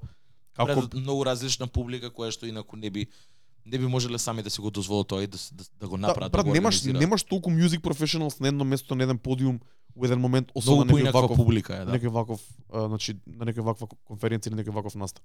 Бидејќи еве настапуваш пред луѓе кои стварно го работат ова и кои ако те слушнат и им се свигаш и стапиш во добар контакт со нив, оставиш добар впечаток, ќе размислат можеби ќе те букираат на некој фестивал на Зигет или било кај знам дека пасворд соработува многу блиску со Exit, многу блиску со Зигет. Секогаш има представници од најголемите фестивали на Балканот, од организации кои букираат артисти, кои прават соработки, интернационални соработки, луѓе кои поседуваат менеджмент компании, студија, а, онакви а, други владени владени невладени организации кои поддржуваат музика, така да е многу добро место да се представат луѓето и е добро место луѓето да дојат да се подружат, да научат нешто, ќе бидам искрен од која од првото издание на ПИН не пропуштам, гледам да идам што да фатам што може поише панели, ќе бидам искрен, некои панели знаат да бидат досадни монотони, а пак треба да саат време кога ќе научиш нешто и од тоа, но најголем дел од панелите мене ми се свигаат и ми се интересни или можам да се најдам бар по нешто интересно од секоја тема, Така. што и дали можам јас да ја применам, дали можам после да споделам со некој мој другар, мој близок кој работи со музика или работи во некој друг бизнис, ама може да се најде паралела помеѓу тоа. Или ако ништо друго да научиш како функционираат работите, брат, бидејќи мислам дека голем дел од ар- артистите, ако може така да се наречат, кои сакаат да бидат дел од оваа сцена и оваа култура и овој бизнис, не знаат точно како функционираат работите behind the scenes. Ја немаат таа бизнес логика позади стварите, што се одразува во нивните кариери и начинот на нивното функционирање. И ова е многу добар начин да добиеш сенс како ствари функционираат работите во вистинскиот свет, посебно во на Балканот, во Македонија и низ Европа, не функционираат слично на Балканот и во Европа, ама знаеме дека е тоа така, од секогаш било тоа така. Тоа не е предност и мана за некои работи, али сакам да кажам дека многу голем дел, најголем дел од панелите се интересни, може да ја бар можам да се најдам нешто што ме интересира, нешто што ќе ме, ме, ме натера да останам таму и да бидам таму присутен и да слушам или можеби после после панелот да се впуштам во конверзација со некој за одредена тема на, на панелот или слично да се обработи нешто. Така да извадивме ја и трајче некои панели кои не звучат вака неинтересно на хартија, да ги прочитаме, можеби со тоа ќе ве привлечеме да се регистрирате и да отидете. Стварно ако сте артист, ако сте човек што сака да работи во овој бизнис, топло го препорачуваме. Не зима многу време, пред, пред, ова е најдобро најдобро можно вложено време што може да го даете овие 3-4 дена, посебно панелите, концертите се само плюс, али панелите и презентациите се тие што треба да се посетат да се изгубат по 4-5 сати, умакат се мислам дека е квалитетно потрошено време. Апсолутно. Апсолутно. Дарко колку што кажа, ние исто така и бевме и дел, делани и онака а, контактите кои што ги склопивме, муабетот кој што го направивме, инсайдот кој што го добивме беше онака безценет, брат. Ме разбираш, како беше многу важен, многу добар. А, имавме шанса да збориме со Килова, имавме шанса да збориме со Алек и онака како многу добри муабети направи, видов дека Алек исто така и годинава ќе настапува, ќе ќе биде присутен тука така да и годинава ќе се видиме пак со со нашиот гостин на подкаст, ќе се ќе направиме еден кетчап, ќе се Така. посмееме, ќе се видиме. Исто кои лани, ние, ќе настапуваме таму, ќе бидеме дел од настанот. Ќе правиме на еден начин и една исто дисекција, еден кавреч на целиот настан, ќе збориме за панелите кои што ние ќе идеме ќе ги посетиме, можеби ќе даеме наш тек на стварите кои што кои што ќе се зборат таму исто кои и лани и пропратно ќе викнеме и ќе биде пак на еден начин интерактивно каде што било кој ќе може да седне да направи муабет со нас, да да сподели нешто, да, да во, во нормално во корелација со тоа што го, го збориме во тој момент и сега ќе обработиме некоја и сигурно тема која што ќе биде присутна на пин ќе може да ја воведеме ние во зависност од тоа колку ни дозволува времето. Така да би а, мислам дека би било добро а, за па дури па ако ако сте кој што кажа Дарко, ако сте ако сте ако сте музички ориентирани, ако сте артисти, продуценти, мислам дека е битно да дојдете чисто да се упознаете, да направите муабет и онак.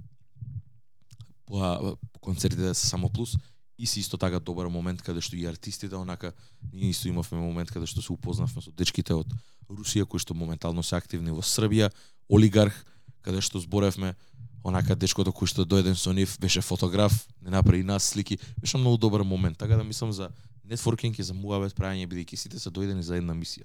А тоа е за да за, за да се поврзуваат со луѓе и за нетворкинг. Така да доколку се со истата намера и сте отворени да направите муабет, shake some hands, Тоа е тоа. Таа е таа е културата на на Pin Music Conference, таа е убавината и мислам дека доколку сакате тоа вреди да се дојде и да се искористи кој што кажа Дарко, да ги искористите тие три дена бидејќи нема нешто попаметно што може да го направите освен тоа да дојдете да утебате 4-5 сати во МКЦ, пропратно да видите некои ваши луѓе и да се упознаете со нови.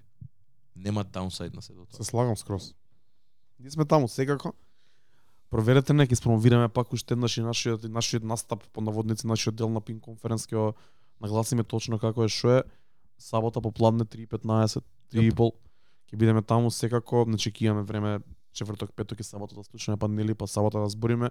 Попладне ќе се наспиеме, ќе дојдеме таму, така да дојдете и вие поминете. Али и одвоивме некои панели да ви ги спомнеме како би ви инспирирале да присуствувате на пин и самите да дојдете и да научите нешто од ваша страна директно. Кога хронолошки кога што ги гледав на сајтот, многу ми звучи интересно првата вечер when the music's over, the drunk tales, значи во еден сат вечер ќе има пијани приказни за пијани луѓе, пијани приказни. Да. Пијани приказни за дешавките на турнеи, behind the scenes, некои анекдоти, ова претпоставам да ќе биде по по casual, по casual панел кај да. ќе се зборат интересни ствари, ама самиот концепт на The Drunk Tales ми е многу интересен и шараут за пасворд што го стаели ова код дел од програмата панел во следниот ден Adventure Time Special Festivals. Значи како спикери доаѓаат луѓе кои се дел од помали бутик или Special Festivals од Европа, како Fusion Festival, Гулаш Диско Фестивал, Fresh Iron Festival Хрватска кој е хип-хоп фестивал. Исто така. Uprising и Off Festival Значи ќе доаѓаат ќе доаѓаат да зборат како како ги работат тие тие помали фестивали, кој е нивниот кој е нивниот начин на финансирање кое како како успеваат да создадат лојална фан база која доаѓа на тие фестивали како се општо одржливи кој е нивниот пристап во овие турбулентни години за фестивалската и општо музичката сцена како успеваат да го одржат своето постоење на некој начин. Што е многу интересно да, да, да, да се дознае посебно ако сте повеќе промотерски настојни, ако ви организирате вакви ваши журки, фестивали или било што поврзано со организирање на настани, мислам дека ова ќе биде многу релевантно за вас. Без разлика дали станува збор за клубска резиденција, поголем фестивал, некој таков офшут настан кој се прави од време на време. Така. Интересно, интересно, интересно овака и мене ми фати дека баш овде има и репрезент од наша од, од нашата култура, Fresh Island, каде што онака да е хип хоп бейст, ама е пак специфичен кој што она прави кейтеринг на одредена група на луѓе со самите артисти кои што ги избираат. И од сега бил интересен како Фебелес има настапувано у Хрватска, ме разбираш, како преспецифично е и тоа значи дека не го, не се тие масовни групи кои што настапуваат таму, кој што кажа Дарко, не знам кој е терминот, дали бутик или спешал фестивал, само на крајот на денот се поспецифични, се помали, ама се со намера помали. Бидејќи артистите кои што ги носат таму се за таа одредена група на луѓе и мора да имаат лојални корфан корфан бази тој фестивал да биде само одржлив и што се надоврзува исто така и на артистите кои што доаѓаат бидејќи артистите кои што се таму се артисти кои што немаат онака огромен месапил, туку имаат кор фан бази кои што онака од кај да се усветот ќе дојдат и ќе ги испуштуваат. И мислам дека тоа би тоа за било каква организација би било многу добро да се чуе. Точно. Може да може да најде примената и апликацијата Во во во, во, во, во својот проект, во својот продукт или што и да или во својата организација. Менторинг сесија from zero to hero, комуникација со ментори од Европа, меѓу кои Алек, како да да промените својата дигитална дистрибуција и како да подобро да дистрибуирате да ја дистрибуирате, да дистрибуирате музиката на новите платформи и а, некои стратегии, типс онака како како е најдобро да се пласира музиката, што е многу интересно. Го начнавме ние тоа со Алек на прошлата про- прошлата година на подкастот, може да го дзирнете го има на YouTube кај нас. Али ова е менторинг сесија, значи тета тет, значи онака како ќе бидат тука луѓето ќе го објаснат тоа, па после ќе можете да им придете да им придете и да ги прашате како вие да го направите тоа Така. според музиката што Со има. тоа што мислам дека треба предходно да се регистрирате конкретно и за ова. Не е отворено за сите, мислам дека треба да се регистрирате. Не сум 100% сигурен, ама отворете на Pin Conference и видите на самиот сајт, ќе видите во во делег, има делегати и има а, каде што ќе ги има конференциите, каде што ќе можете да видите и мислам дека треба накнадно да се регистрирате за тоа. И така да ова е многу интересно, ова е многу интересно и мислам дека би било добро за било кој, посебно за артисти кои што зависат од дигитална дистрибуција и тоа е една од тие пречки онака и со стриминг и со све за да се пројде се до тоа и да бидеш да знаеш што точно правиш бидејќи мислам дека веќе и ја и други луѓе кои што аплодираат музика само ја аплодираат онака пушално со три клика знаат и не знаат тоа што точно им се дешава со музиката да е што ја вадат на еден начин а мислам дека е многу битно да знаеме што што, што се дешава Точно. Do you think sync, иновации и insight uh, from the front line? Ова е повеќе за мислам дека е повеќе за продуценти, бидејќи ова е uh, пласирање на музиката на филмови, реклами, апликација на малце поинакви места, повеќе комерцијална употреба на музиката како музика, што е интересно за продуцентите бидејќи мислам дека и многу луѓе не се ни свесни дека тоа е исто така еден добар потенцијален начин на пласирање на музиката и работа Така. на ствари кои не се директно соработка со артисти или правење на музика за сцената и за културата, него повеќе да онака да се да да бренд to branch out и онака да почнеш да работиш, да правиш пак музика, ама да е со друга примени, тоа го менува скроз мајндсетот кој треба да го имаш Така. правење на музиката и, плас, и пласирање на музиката. Мислам дека е интересно за продуценти. Само секунда да видиме што е следно. Meet Југославија, networking session, а, и буквално Тоа- ова е тоа што кое што вели Дарко, онака кое што го кажа, ова е unique opportunity каде што ќе бидат седнати луѓе кои што се организатори на фестивали, на евенти низ цела Југославија, буквално кој што вели од Словенија до до, до Вардар, а, каде што ќе можете да да изслушнете што зборува што има да понудат, можеби да стапите во контакт со нив, да Представите пред нив, да им даете точно USB, да кажете. CD, што и да е. Што и да е, кој да е вашиот хасел USB CD, чисто онака муабет да оставите first impression, да се споите некако, да размените social media и да да, да направите муабет. И мислам дека баш ова ова онака ова не е ни веќе ни, ни конференција, туку ова е онака како тета тета онака ти дава шанса да упознаеш некој Дружба, од тие брат, луѓе, да. дружба да направиш муабет, каде што сите се дојдени со таа цел. Ме разбираш луѓето кои што се дојдени овде, кои што ќе бидат спикери, тие што ќе учествуваат, буквално ќе бидат овде за да се упознаат со вас, не обратно. Така да. Да. Ама треба да пристапите вие први, да не да се срамите воопшто. Нормално. Интересна тема, Target New Audience, Navigating the Changing Media Landscape. Ова е интересно бидејќи се однесува на артисти, се разбира, може да се пренесе на се на се, нови социјални мрежи, нови начини на промоција, дали диги како прашање, дали дигиталната дигиталната ја уби традиционалната медија како што видеото ја уби го уби, ја уби радио звездата, да. Така? Video Kill the Radio Старата песна. Ова е интересна интересна тема и мислам дека ова ќе биде интересна за исто така за било кој артист кој работи во овој. Па и, не, и не само артист, мислам дека работите што ќе се кажат тука важат за било кој бизнес и навигирање на е, навигирање низ денешните нови социјални мрежи. Уште нешто? The Art of Crowdfunding, Гулеш Диско Фестивал екземпл, значи Гулеш Диско ќе представат својот начин на а, финансирање на крауд, краудфандинг што може да е интересно за некој кој сака да почне помал фестивал или таква нека помала ствар и да добие пари, да, да види како како може тоа да функционира со собирање на пари и како поновници донации од луѓето кои би дошле понатака. Така. Би ме интересирало да чуем како они го направиле тоа. И а, 2024 нови промени во музичката индустрија, challenges, се тоа како како се како треба да се справат со нив, како луѓето од светската цена се справуваат со инфлација, со новите ствари, пост-ковид ситуации. Ова е релевантно и во клубската сцена во Македонија, фестивалската сцена во Македонија со секоја голема разлика од претходните години пост-ковид имаше голем бум на посетеност на настаните и Така. онака голем хајп кај луѓето за излагање, сега 2-3 години покасно више се осеќа голем пат од тоа и треба да се да се најде нов начин на навигирање низ низ сите овие ствари бидејќи не е не, не е ова правата клима која не е правата клима за организирање на големи настани и онакви некои па дури и за помали настани као интересно е да се види што ќе кажат професионалците од професор со професионално искуство во ова.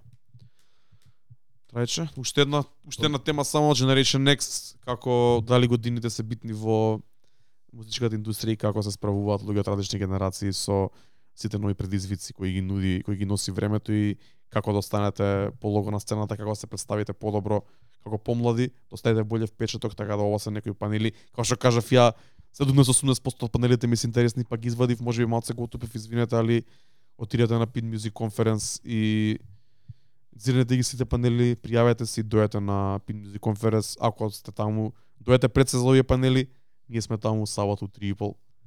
Ај мислам дека ќе не најде ќе не- ќе не 100%, најдете и четврток и петок на панелите кои што ќе можеме да ги фатиме, така да таму ќе сме МКЦ. Тоа е тоа. Мислам дека ќе биде добар момент исто кој лани. Онака лани уште не знаев како ќе биде, што да очекувам. Ама мислам дека веќе, веќе дека годинава е малце поинаку. Знаеш, пак една година имам позади мене, посебно и дека прва година и настап, бевме таму и настапивме онака. Мислам дека годинава ќе биде многу по а, и од наша страна ќе бидеме многу поспремни и подобри во тоа што го преми. мислам дека уште толку поише ќе можеме да се да навлеземе и веќе знаеме, онака знаеме и како да, да навигираме, знаеме кај да движиме, знаеме што да одбереме. И тоа е тоа. Мислам дека ќе биде многу добро. Дечки, се гледаме, се надам дека ќе ве видиме таму. Регистрирајте се, кој што кој, кој што кажа Дарко, треба да се регистрирате за да може да учествувате на панелите. И доколку не се не, не се видиме на панелите, можеби ќе се видиме на некој од концертите, кои што се уште мислам дека не се ни најавени. Дел од нив се најавени, дел не, ама мора само да Ама ќе ќе го да го оставиме тоа за да Да, имаме имаме има уште една епизода до до тогаш, ова е само за да имате време да се најавите да испланирате ако сакате да дојдете. така. Ова се дешава на 1 декември, така да од 30 од 30 ноември до 2 декември, така да тоа е не овој викенд следниот. Јап. Имаме време ќе зборим, може да спомнем уште еднаш пак, се на недела со повеќе информации, али ставете го план, цикнете го, имате време 10 дена за да се пријавите за да дојдете. Тоа е тоа. Мислам дека направивме добар муавет, мислам дека допревме она доста теми направивме, чепнавме до поише поише теми кои што сакавме да ги обработиме онака. Имавме пак мали а, моменти каде што забегувавме лево и десно, али успешно го на- направивме тоа, Дарко немаме кара. Не, не, таман се. И мислам дека добри сме. Повеќе добри. Мислам дека сме добри. Дечки, фала ви ако, ако останавте до овде, фала ви што не слушавте и се гледаме следна недела. Една недела пак. Поздрав. Поздрав, чао. Чао, чао.